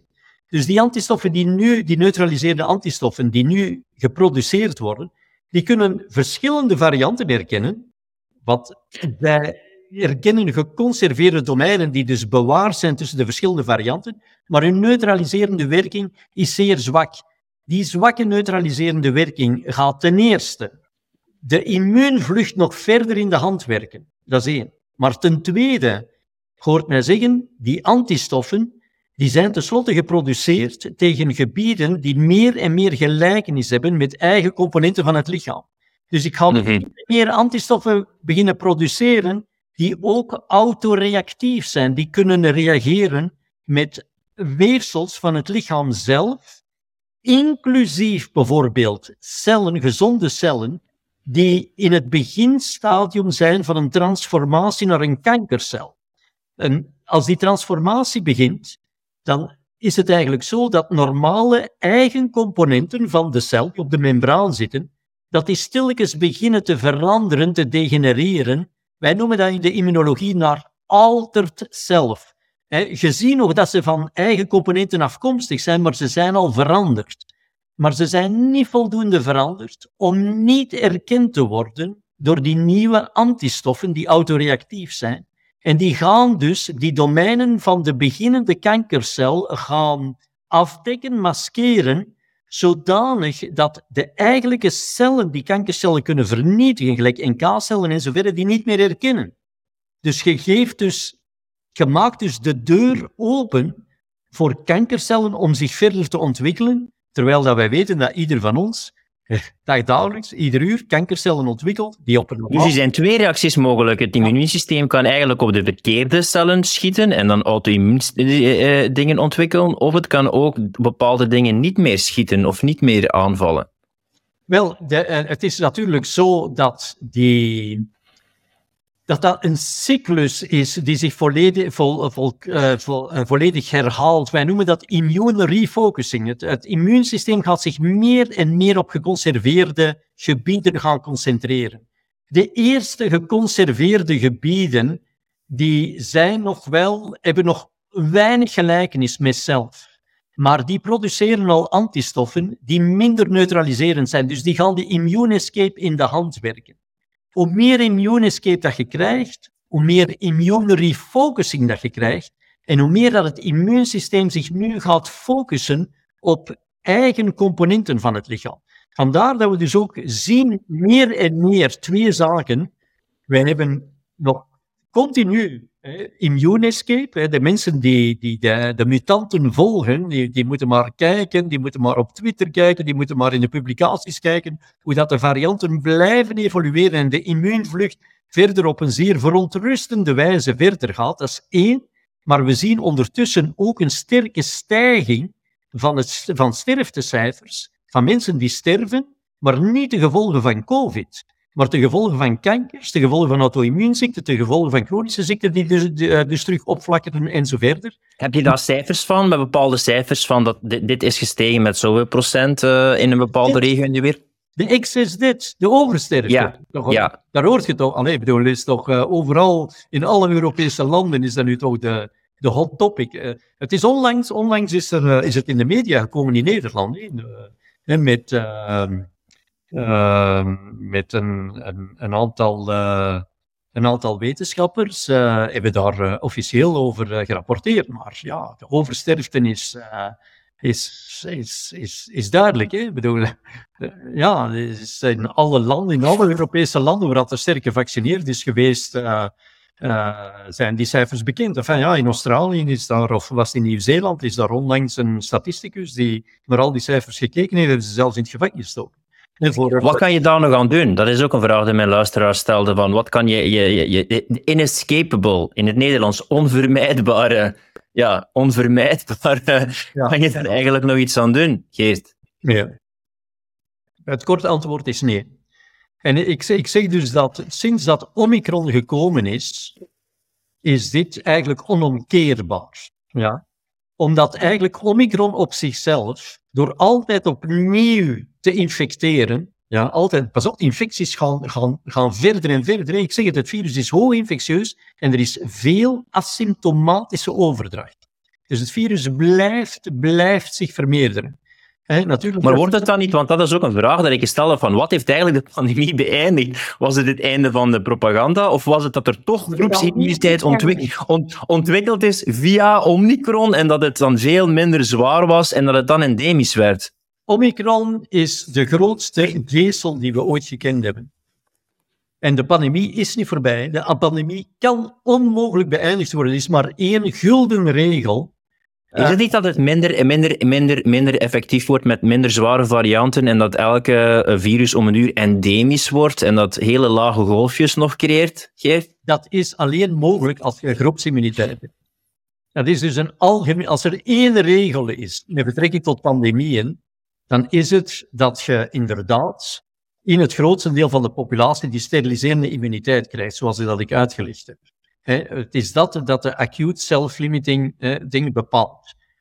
We hebben dat duidelijk niet. We hebben dus ook geen groepsimmuniteit. Vandaar dat de evolutie van het virus verder gaat. Vandaar dat varianten nog steeds de ene neemt de andere over. dat zien we niet tijdens de natuurlijke pandemie.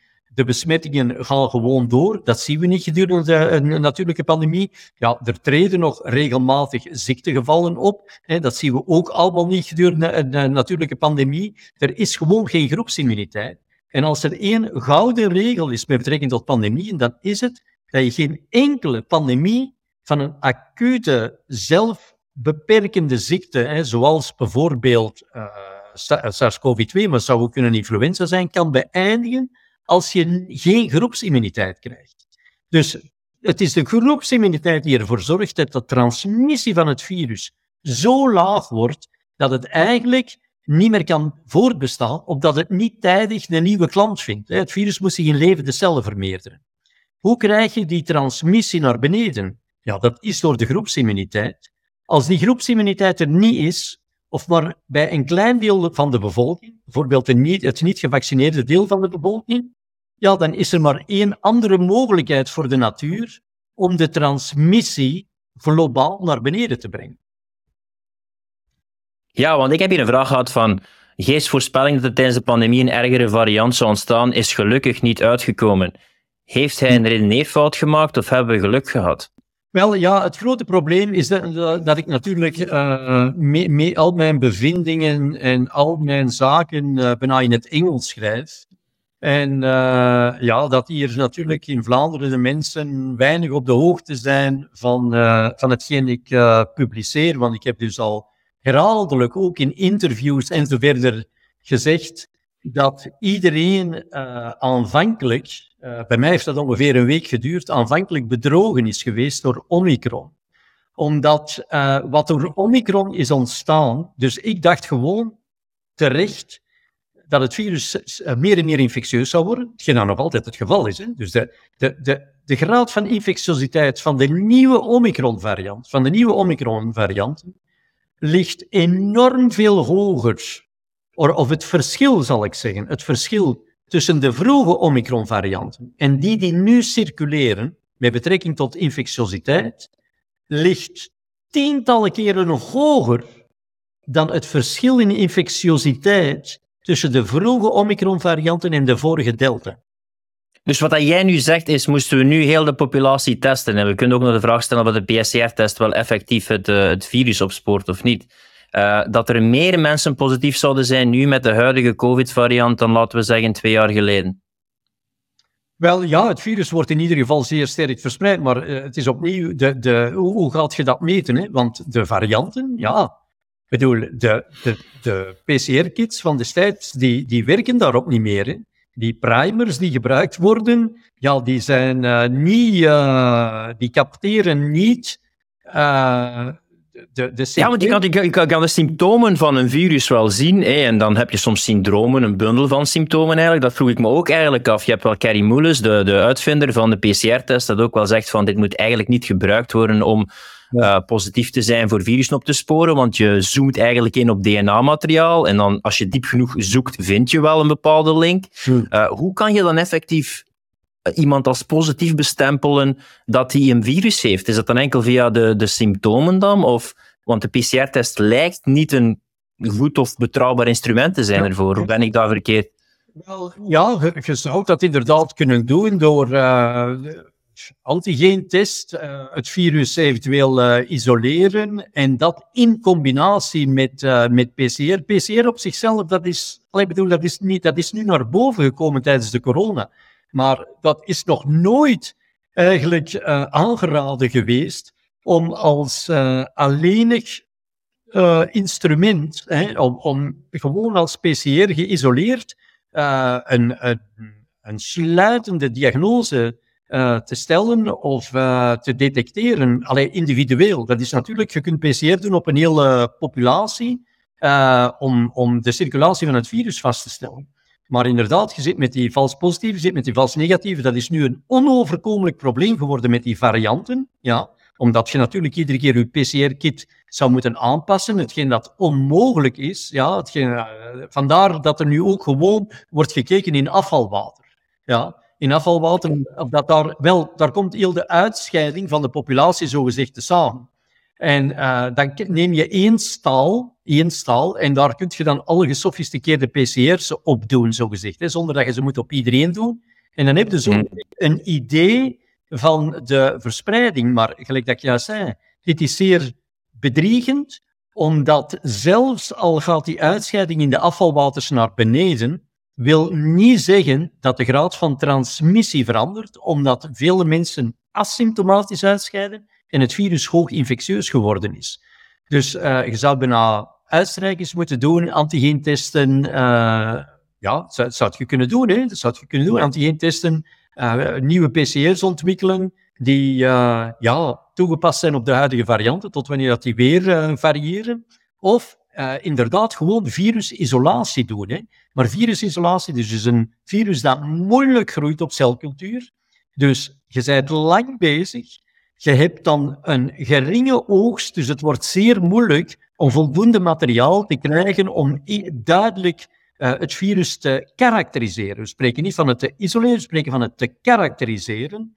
Om het dan ook kunnen, te kunnen sequenceren, de sequentie te bepalen, om te bepalen welke varianten dat het is en zo verder. Wel, daar wil ik ook eens op ingaan, want ik ben dat heel veel luisteraars gaan verwachten dat ik die vraag stel. En... Uh ja, sommige mensen beweren, ze zeggen niet dat het virus niet bestaat of dat virussen niet bestaan. Ze zeggen dat virussen eigenlijk nog nooit geïsoleerd geweest zijn. Want dat je eigenlijk allemaal levend materiaal, bovine, uh, fetal materiaal toevoegt en dan een synthese maakt, sequenceert. En zij zien dat sequenceren vooral eigenlijk aan het checken als een computermodel.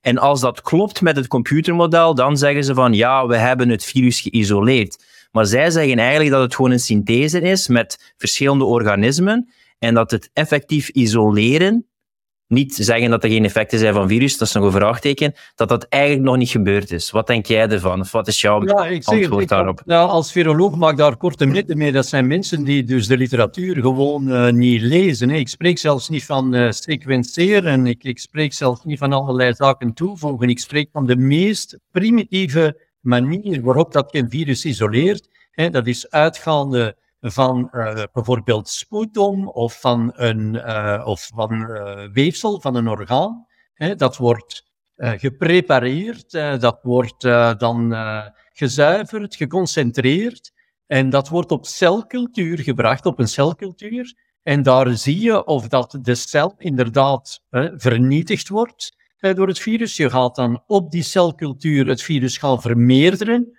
om het in voldoende hoeveelheid te kunnen kweken, dat het infectieus is. Je kan van dat uh, materiaal dat je dus geoogst hebt, kan je bijvoorbeeld, ja, je kan daarmee dieren infecteren. Je kan zien dat dat dus overdraagbaar is. Je kan dat gaan elektronen microscopisch gaan karakteriseren. Je kan anticera nemen, die dus gewonnen zijn in mensen die geïnfecteerd zijn geweest, reconvalescente patiënten bijvoorbeeld. Je kan dit zien dat dat effectief met dat virus reageert. Er zijn bepaalde testen voor, ELISA-testen. Je kan ook zien dat die een neutraliserende activiteit hebben ten opzichte van dat agens en dus de infectiositeit daarvan onderdrukken, terwijl dat men weet dat die sera zeer specifiek tegen dit coronavirus uh, gericht zijn en. Dus ja, bij mij is dit, uh, allee, dit is gewoon onbegrijpelijk dat, uh, uh, dat er nog... Ja, maar binnen twee weken heb ik bijvoorbeeld iemand, en ik vraag me af hoe jij er naar kijkt, met de nieuwe Germaanse geneeskunde onder andere, dat ontwikkeld is. Ik denk dat jij erbij bekend bent. En binnenkort heb ik ook een gast. Als jij wil dat ik hem een vraag stel, moet je me laten weten. Maar ik heb er ook bepaalde vragen bij van, ja, hoe worden mensen dan geïnfecteerd? Hoe wordt dan een familie ziek via een bepaald virus, als het vooral een traumaverwerking is en het vooral ja, mentaal is eigenlijk. Hoe kijk jij naar die ontwikkelingen met de nieuwe Germaanse geneeskunde? Ja, ik, ik, ben er eigenlijk weinig van op de hoogte, moet ik zeggen.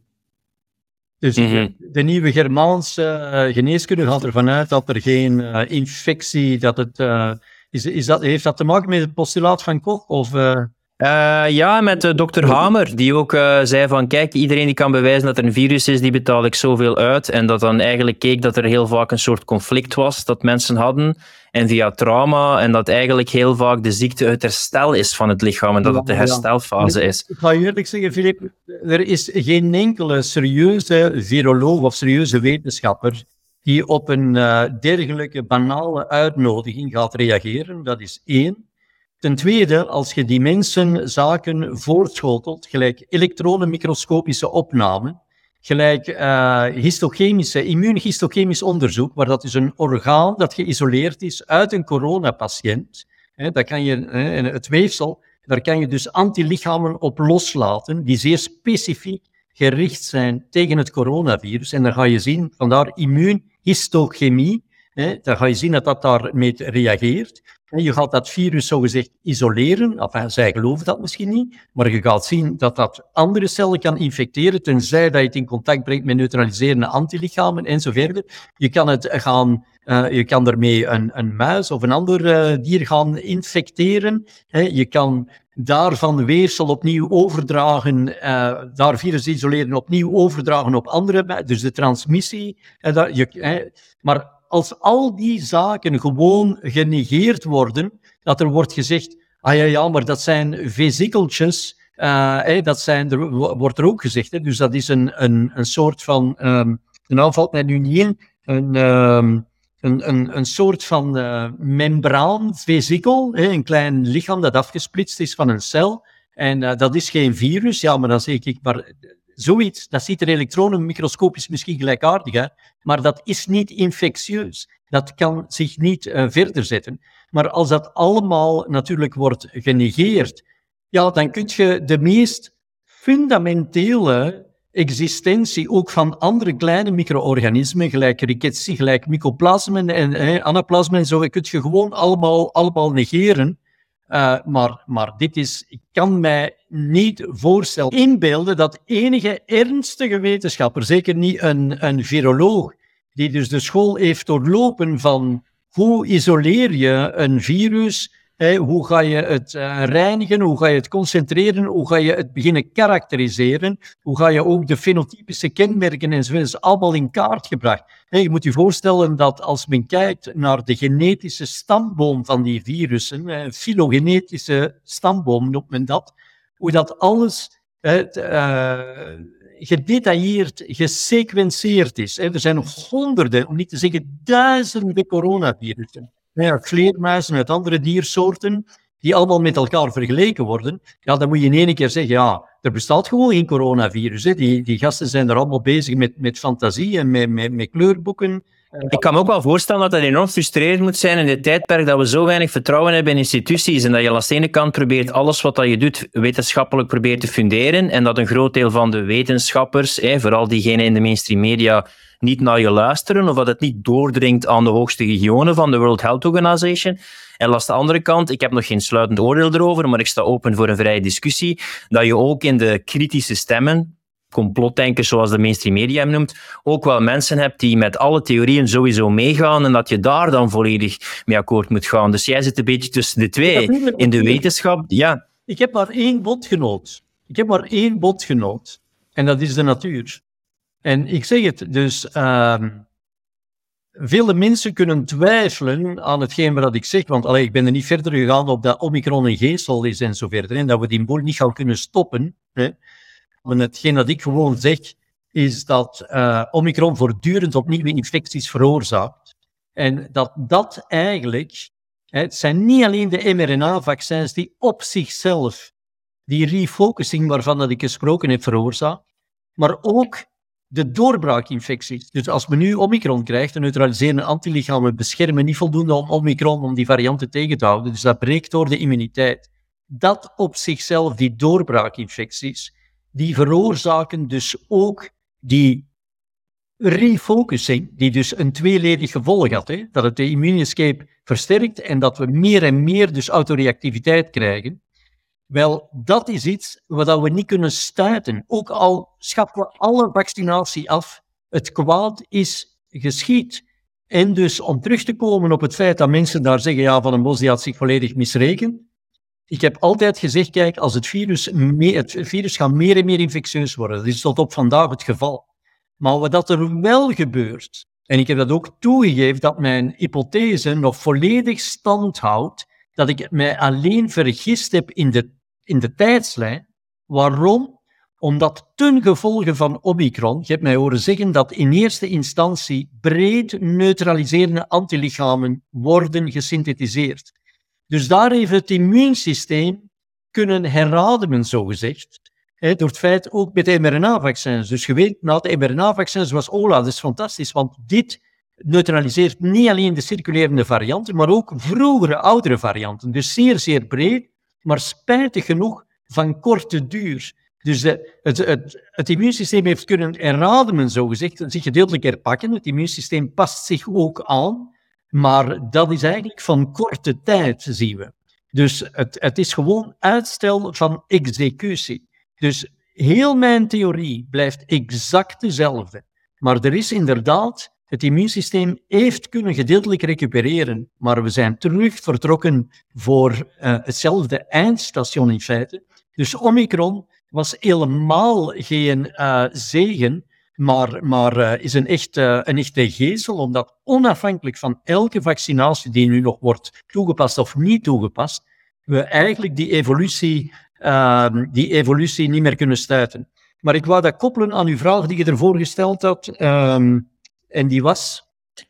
Van de wetenschap bedoel je dat dan de natuur en dat het soms moeilijk is van het evenwicht te bewaren tussen uh, ja, de wetenschappers uh, aan je kant krijgen ah, en dan mensen die kritisch zijn aan je kant krijgen? Ja, daarmee, daarmee dat ik dus zeg, kijk, uh, dit is niet meer te stuiten.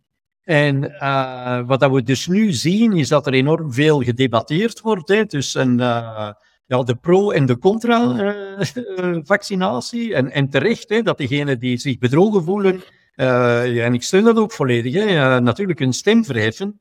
Maar wat dat mij wel zeer merkwaardig lijkt, is dat er wordt enorm veel gediscuteerd en nu meer en meer ook met, met, met uh, processen, en, zeker in de Verenigde Staten en in andere landen, als je ziet dat er in Australië en Nieuw-Zeeland bezig is.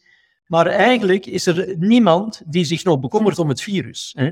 En uh, natuurlijk, de mensen hebben daar geen verhaal niet meer aan, uh, dat, uh, geen boodschap niet meer aan. dus ik begrijp dat volledig. En er wordt zo gedaan alsof dat de pandemie ten einde is. Spijtig genoeg is het zo dat het virus eigenlijk zich aan het vermeerderen is, aan het verder evolueren is, weer is iets aan het voorbereiden is waar dat ik eigenlijk liever niet over spreek, maar dat tot op de dag van vandaag dat eigenlijk in relatieve stilte verloopt voor diegenen die niet de, de, de, de voelhorens heeft om zaken vast te stellen, zoals, oh, er zijn een heel deel fenomenen hier aan de hand, al die oversterfte, uh, het virus dat blijft muteren, uh, de infecties die blijven uh, doorgaan, toch hier en daar ook nog ziekte, ondanks relatief lage sterftecijfers nog altijd, relatief hospitalisatie enzovoort.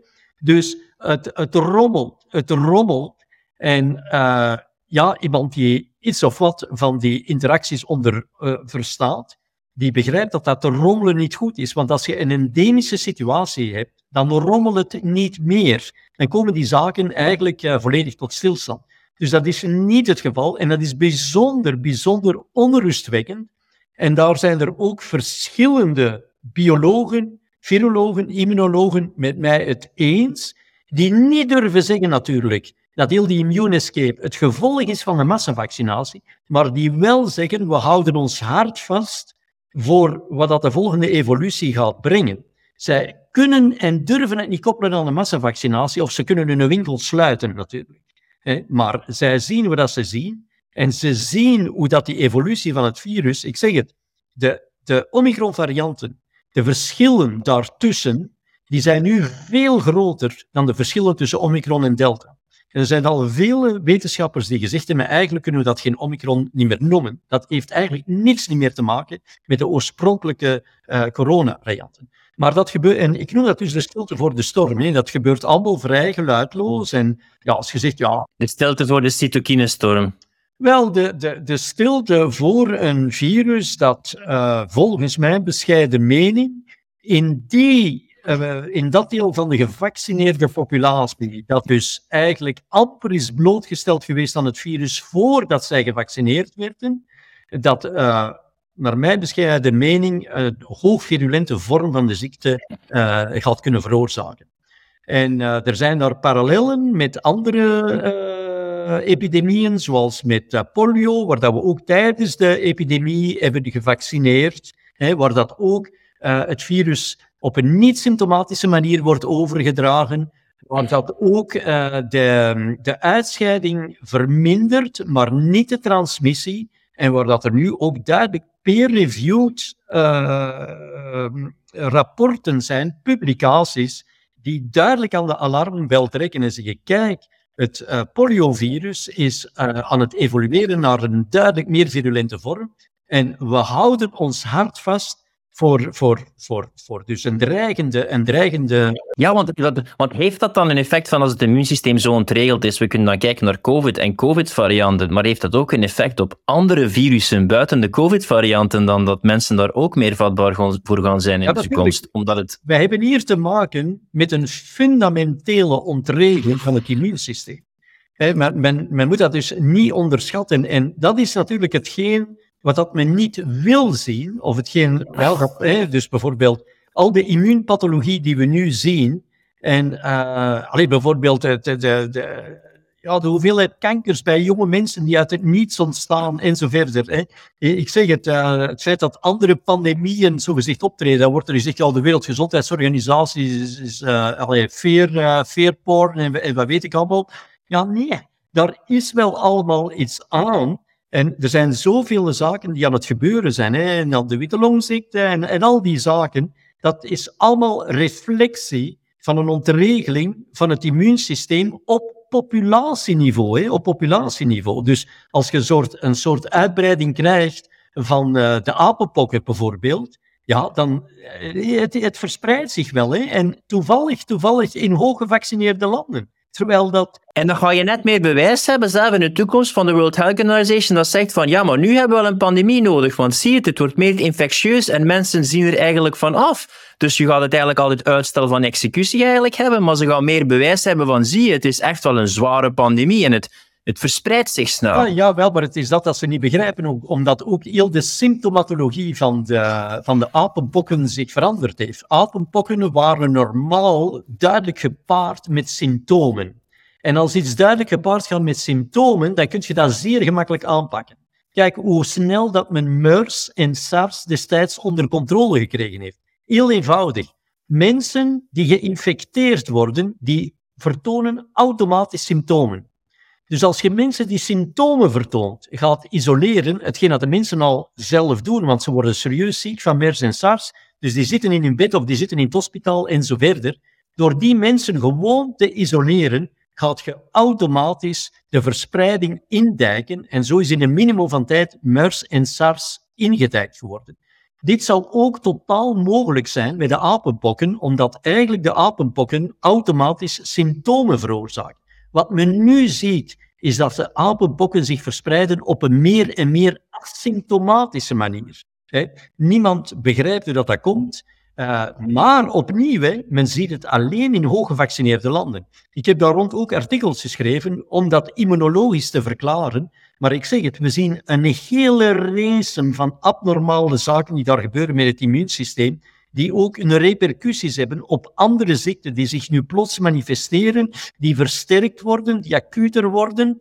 Uh, maar als men daar natuurlijk allemaal zegt, ja, dat is allemaal toeval, of zoals de complottheoristen die zeggen, ja kijk, dit is allemaal veermolen, veerporn en, en eh, de, de, Wereldgezondheidsorganisatie, samen met het World Health Economic Forum en smijten de, de Bill Gates er nog bij, die doen dat allemaal om ons te manipuleren en zo verder. Ja, dan, eh, dan is de pandemie zogezegd voorbij. Maar dit is, ik ben een wetenschapper, dit is geen wetenschappelijke mhm. discussie. Ik houd mij alleen aan de wetenschap. En als ik dat doe, dan zie ik dat er maar één element is die dit gaat kunnen controleren, die dit evenwicht dat zich door de evolutie heen over duizenden jaren heeft geïnstalleerd, het evenwicht namelijk hoe een virus of een pathogeen in symbiose bijna leeft met een, uh, met een populatie, of dat een dierpopulatie is of een, of een mensenpopulatie, en hoe dat dat ja, soms wat kan verstoord worden, maar dan komt dat weer onder controle. Het wordt endemisch, is een zeer mooi evenwicht. Je smijt er nu in één keer een bom op met de massavaccinatie.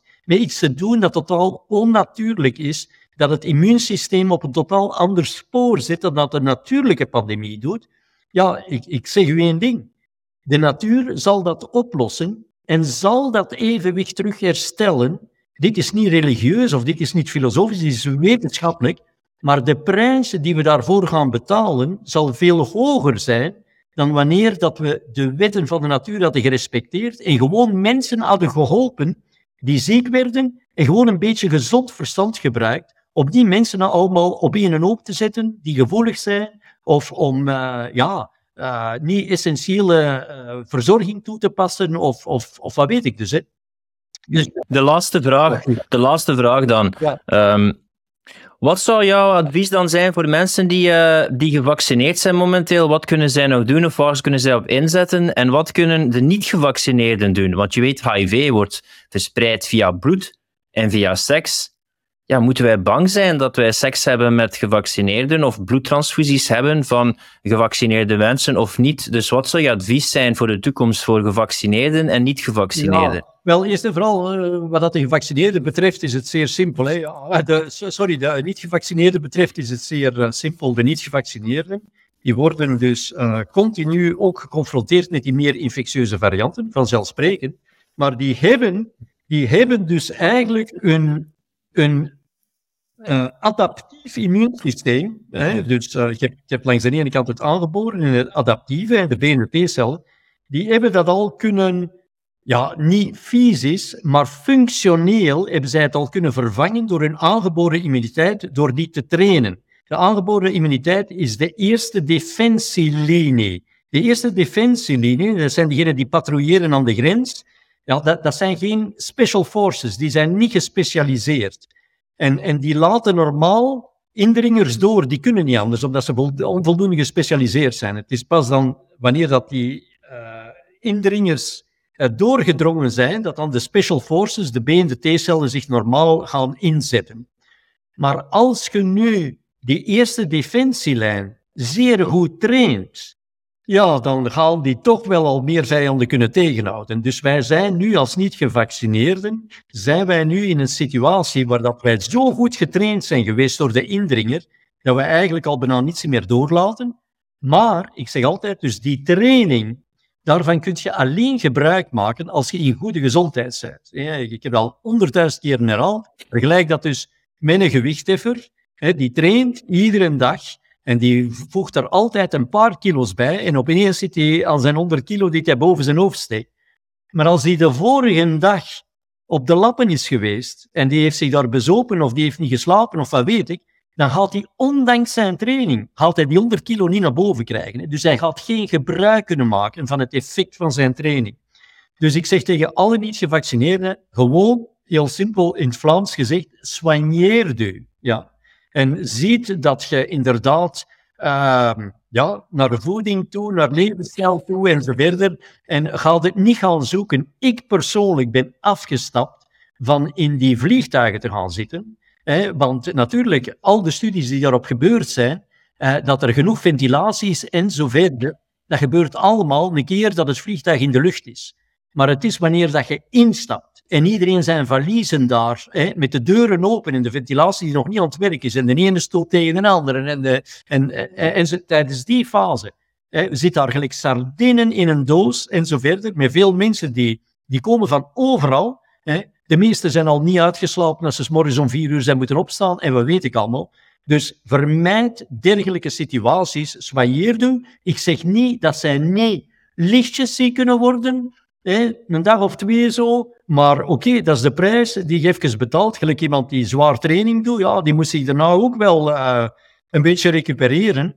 Dus voor die in feite geen, geen probleem. De mensen die gevaccineerd zijn geweest, hoort mij nooit zeggen dat alle gevaccineerden uh, gaan een, een noodlot ondergaan. Maar wij moeten duidelijk een onderscheid maken tussen die gevaccineerden die voordat ze gevaccineerd werden nog wel een blootgesteld zijn geweest aan het virus, hun aangeboren immuniteit hebben kunnen trainen en diegenen die zijn gevaccineerd geweest massaal, voordat ze zelfs blootgesteld geweest zijn aan het virus.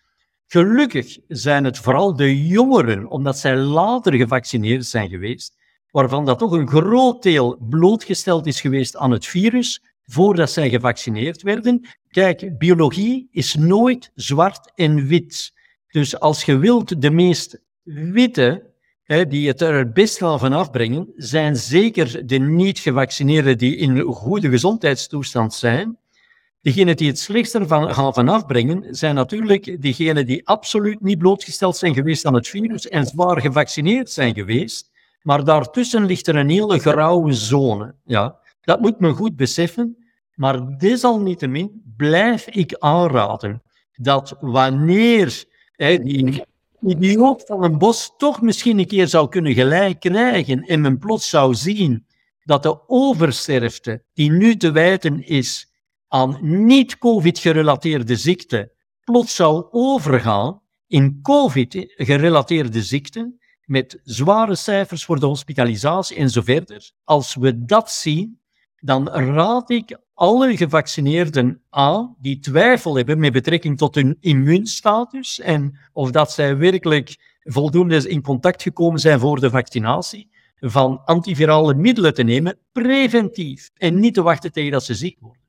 En met die antivirale middelen, want dat zou dan uw, uw, laatste van uw voorlaatste vraag zijn waarschijnlijk, ja, bedoel ik natuurlijk uh, ivermectine, hydroxychloroquine bijvoorbeeld. Uh, de, de, andere monoclonale antilichamen er is er verregaande resistentie tegen. En uh, ivermectine en hydroxychloroquine, ja, kijk, hè, dus uh, ik geloof nog altijd in toch de overtuigende publicaties die omtrent de werkzaamheid daarvan zijn um, gepubliceerd. Maar opnieuw, ik weet niet in hoeverre dat dit werkelijk een wondermiddel zal zijn, omdat opnieuw zijn die ook nog even effectief tegen al die varianten en tegen meer virulente varianten. Het blijft ergens een vraagteken, maar ik, ik, ja, ik, het spijt mij dat ik niet echt uh, zeer fantastisch nieuws uh, daaromtrent kan brengen, maar uh, het is wel, de mensen moeten wel goed beseffen, dat is wel de reden, omdat we dat hebben zien aankomen, dat mensen zoals ik en vele anderen alles op het spel hebben gezet, maar alles, hè, om, om, om aan de alarmklok te trekken, terwijl dat het nog mogelijk was. Ja. Dus uh, ja, kijk, meer kan ik daarover niet. Wel, ik wil jou bedanken om zoveel op het spel te zetten en je reputatie. Je kon gerust op je oude dag uh, je, je, gewoon uh, achter de computer een beetje lezen in plaats van je uit te spreken. Je bent ook wel besmeurd geweest voor je gewoon te bestempelen als een dierenarts en een gek.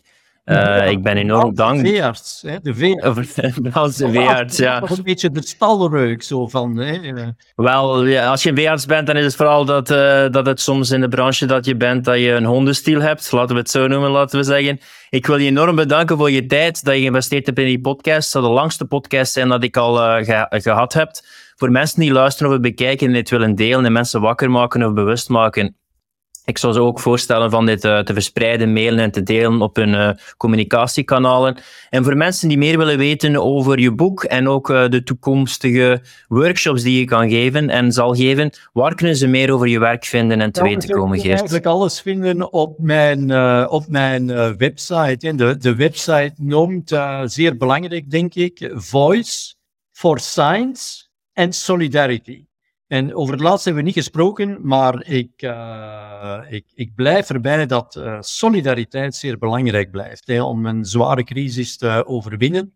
Ik heb van in het begin gezegd dat heel die, ondanks het feit dat ik blijf zeggen dat gevaccineerden en niet-gevaccineerden zich naar immuunstatus toe sterk onderscheiden, blijf ik erbij dat iedere vorm van discriminatie gewoon nog wetenschappelijk, nog ethisch verantwoord is.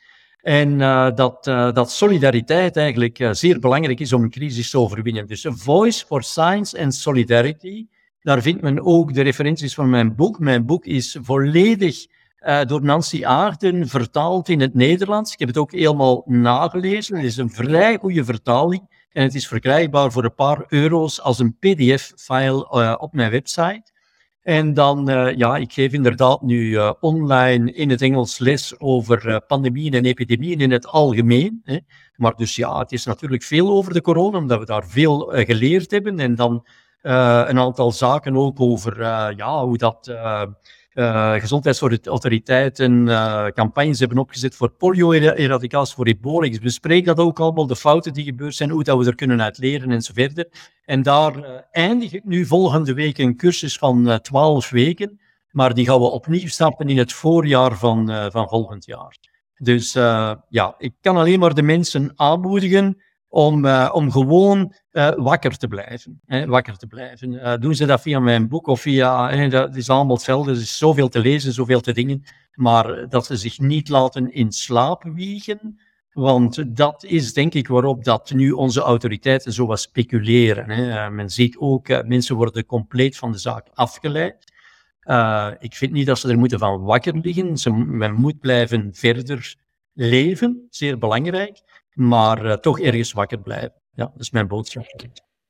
Ik ben blij jou te kennen en ik ben ook blij dat je het uh, benadrukt van de solidariteit. Ik denk in dit tijdperk dat we meer moeten verbinden en zien dat het probleem ligt bij de instituties. En vaak proberen ze dan de aandacht af te leiden door te polariseren en weer op bevolkingsgroepen in te zetten. Maar we hebben uh, los van virussen veel meer met elkaar gemeen als mens en in ons DNA dan, dan we eigenlijk toegeven. Ja. Dus blijf spreken en blijf verbinden in deze tijd. En uh, bedankt voor uh, deze podcast.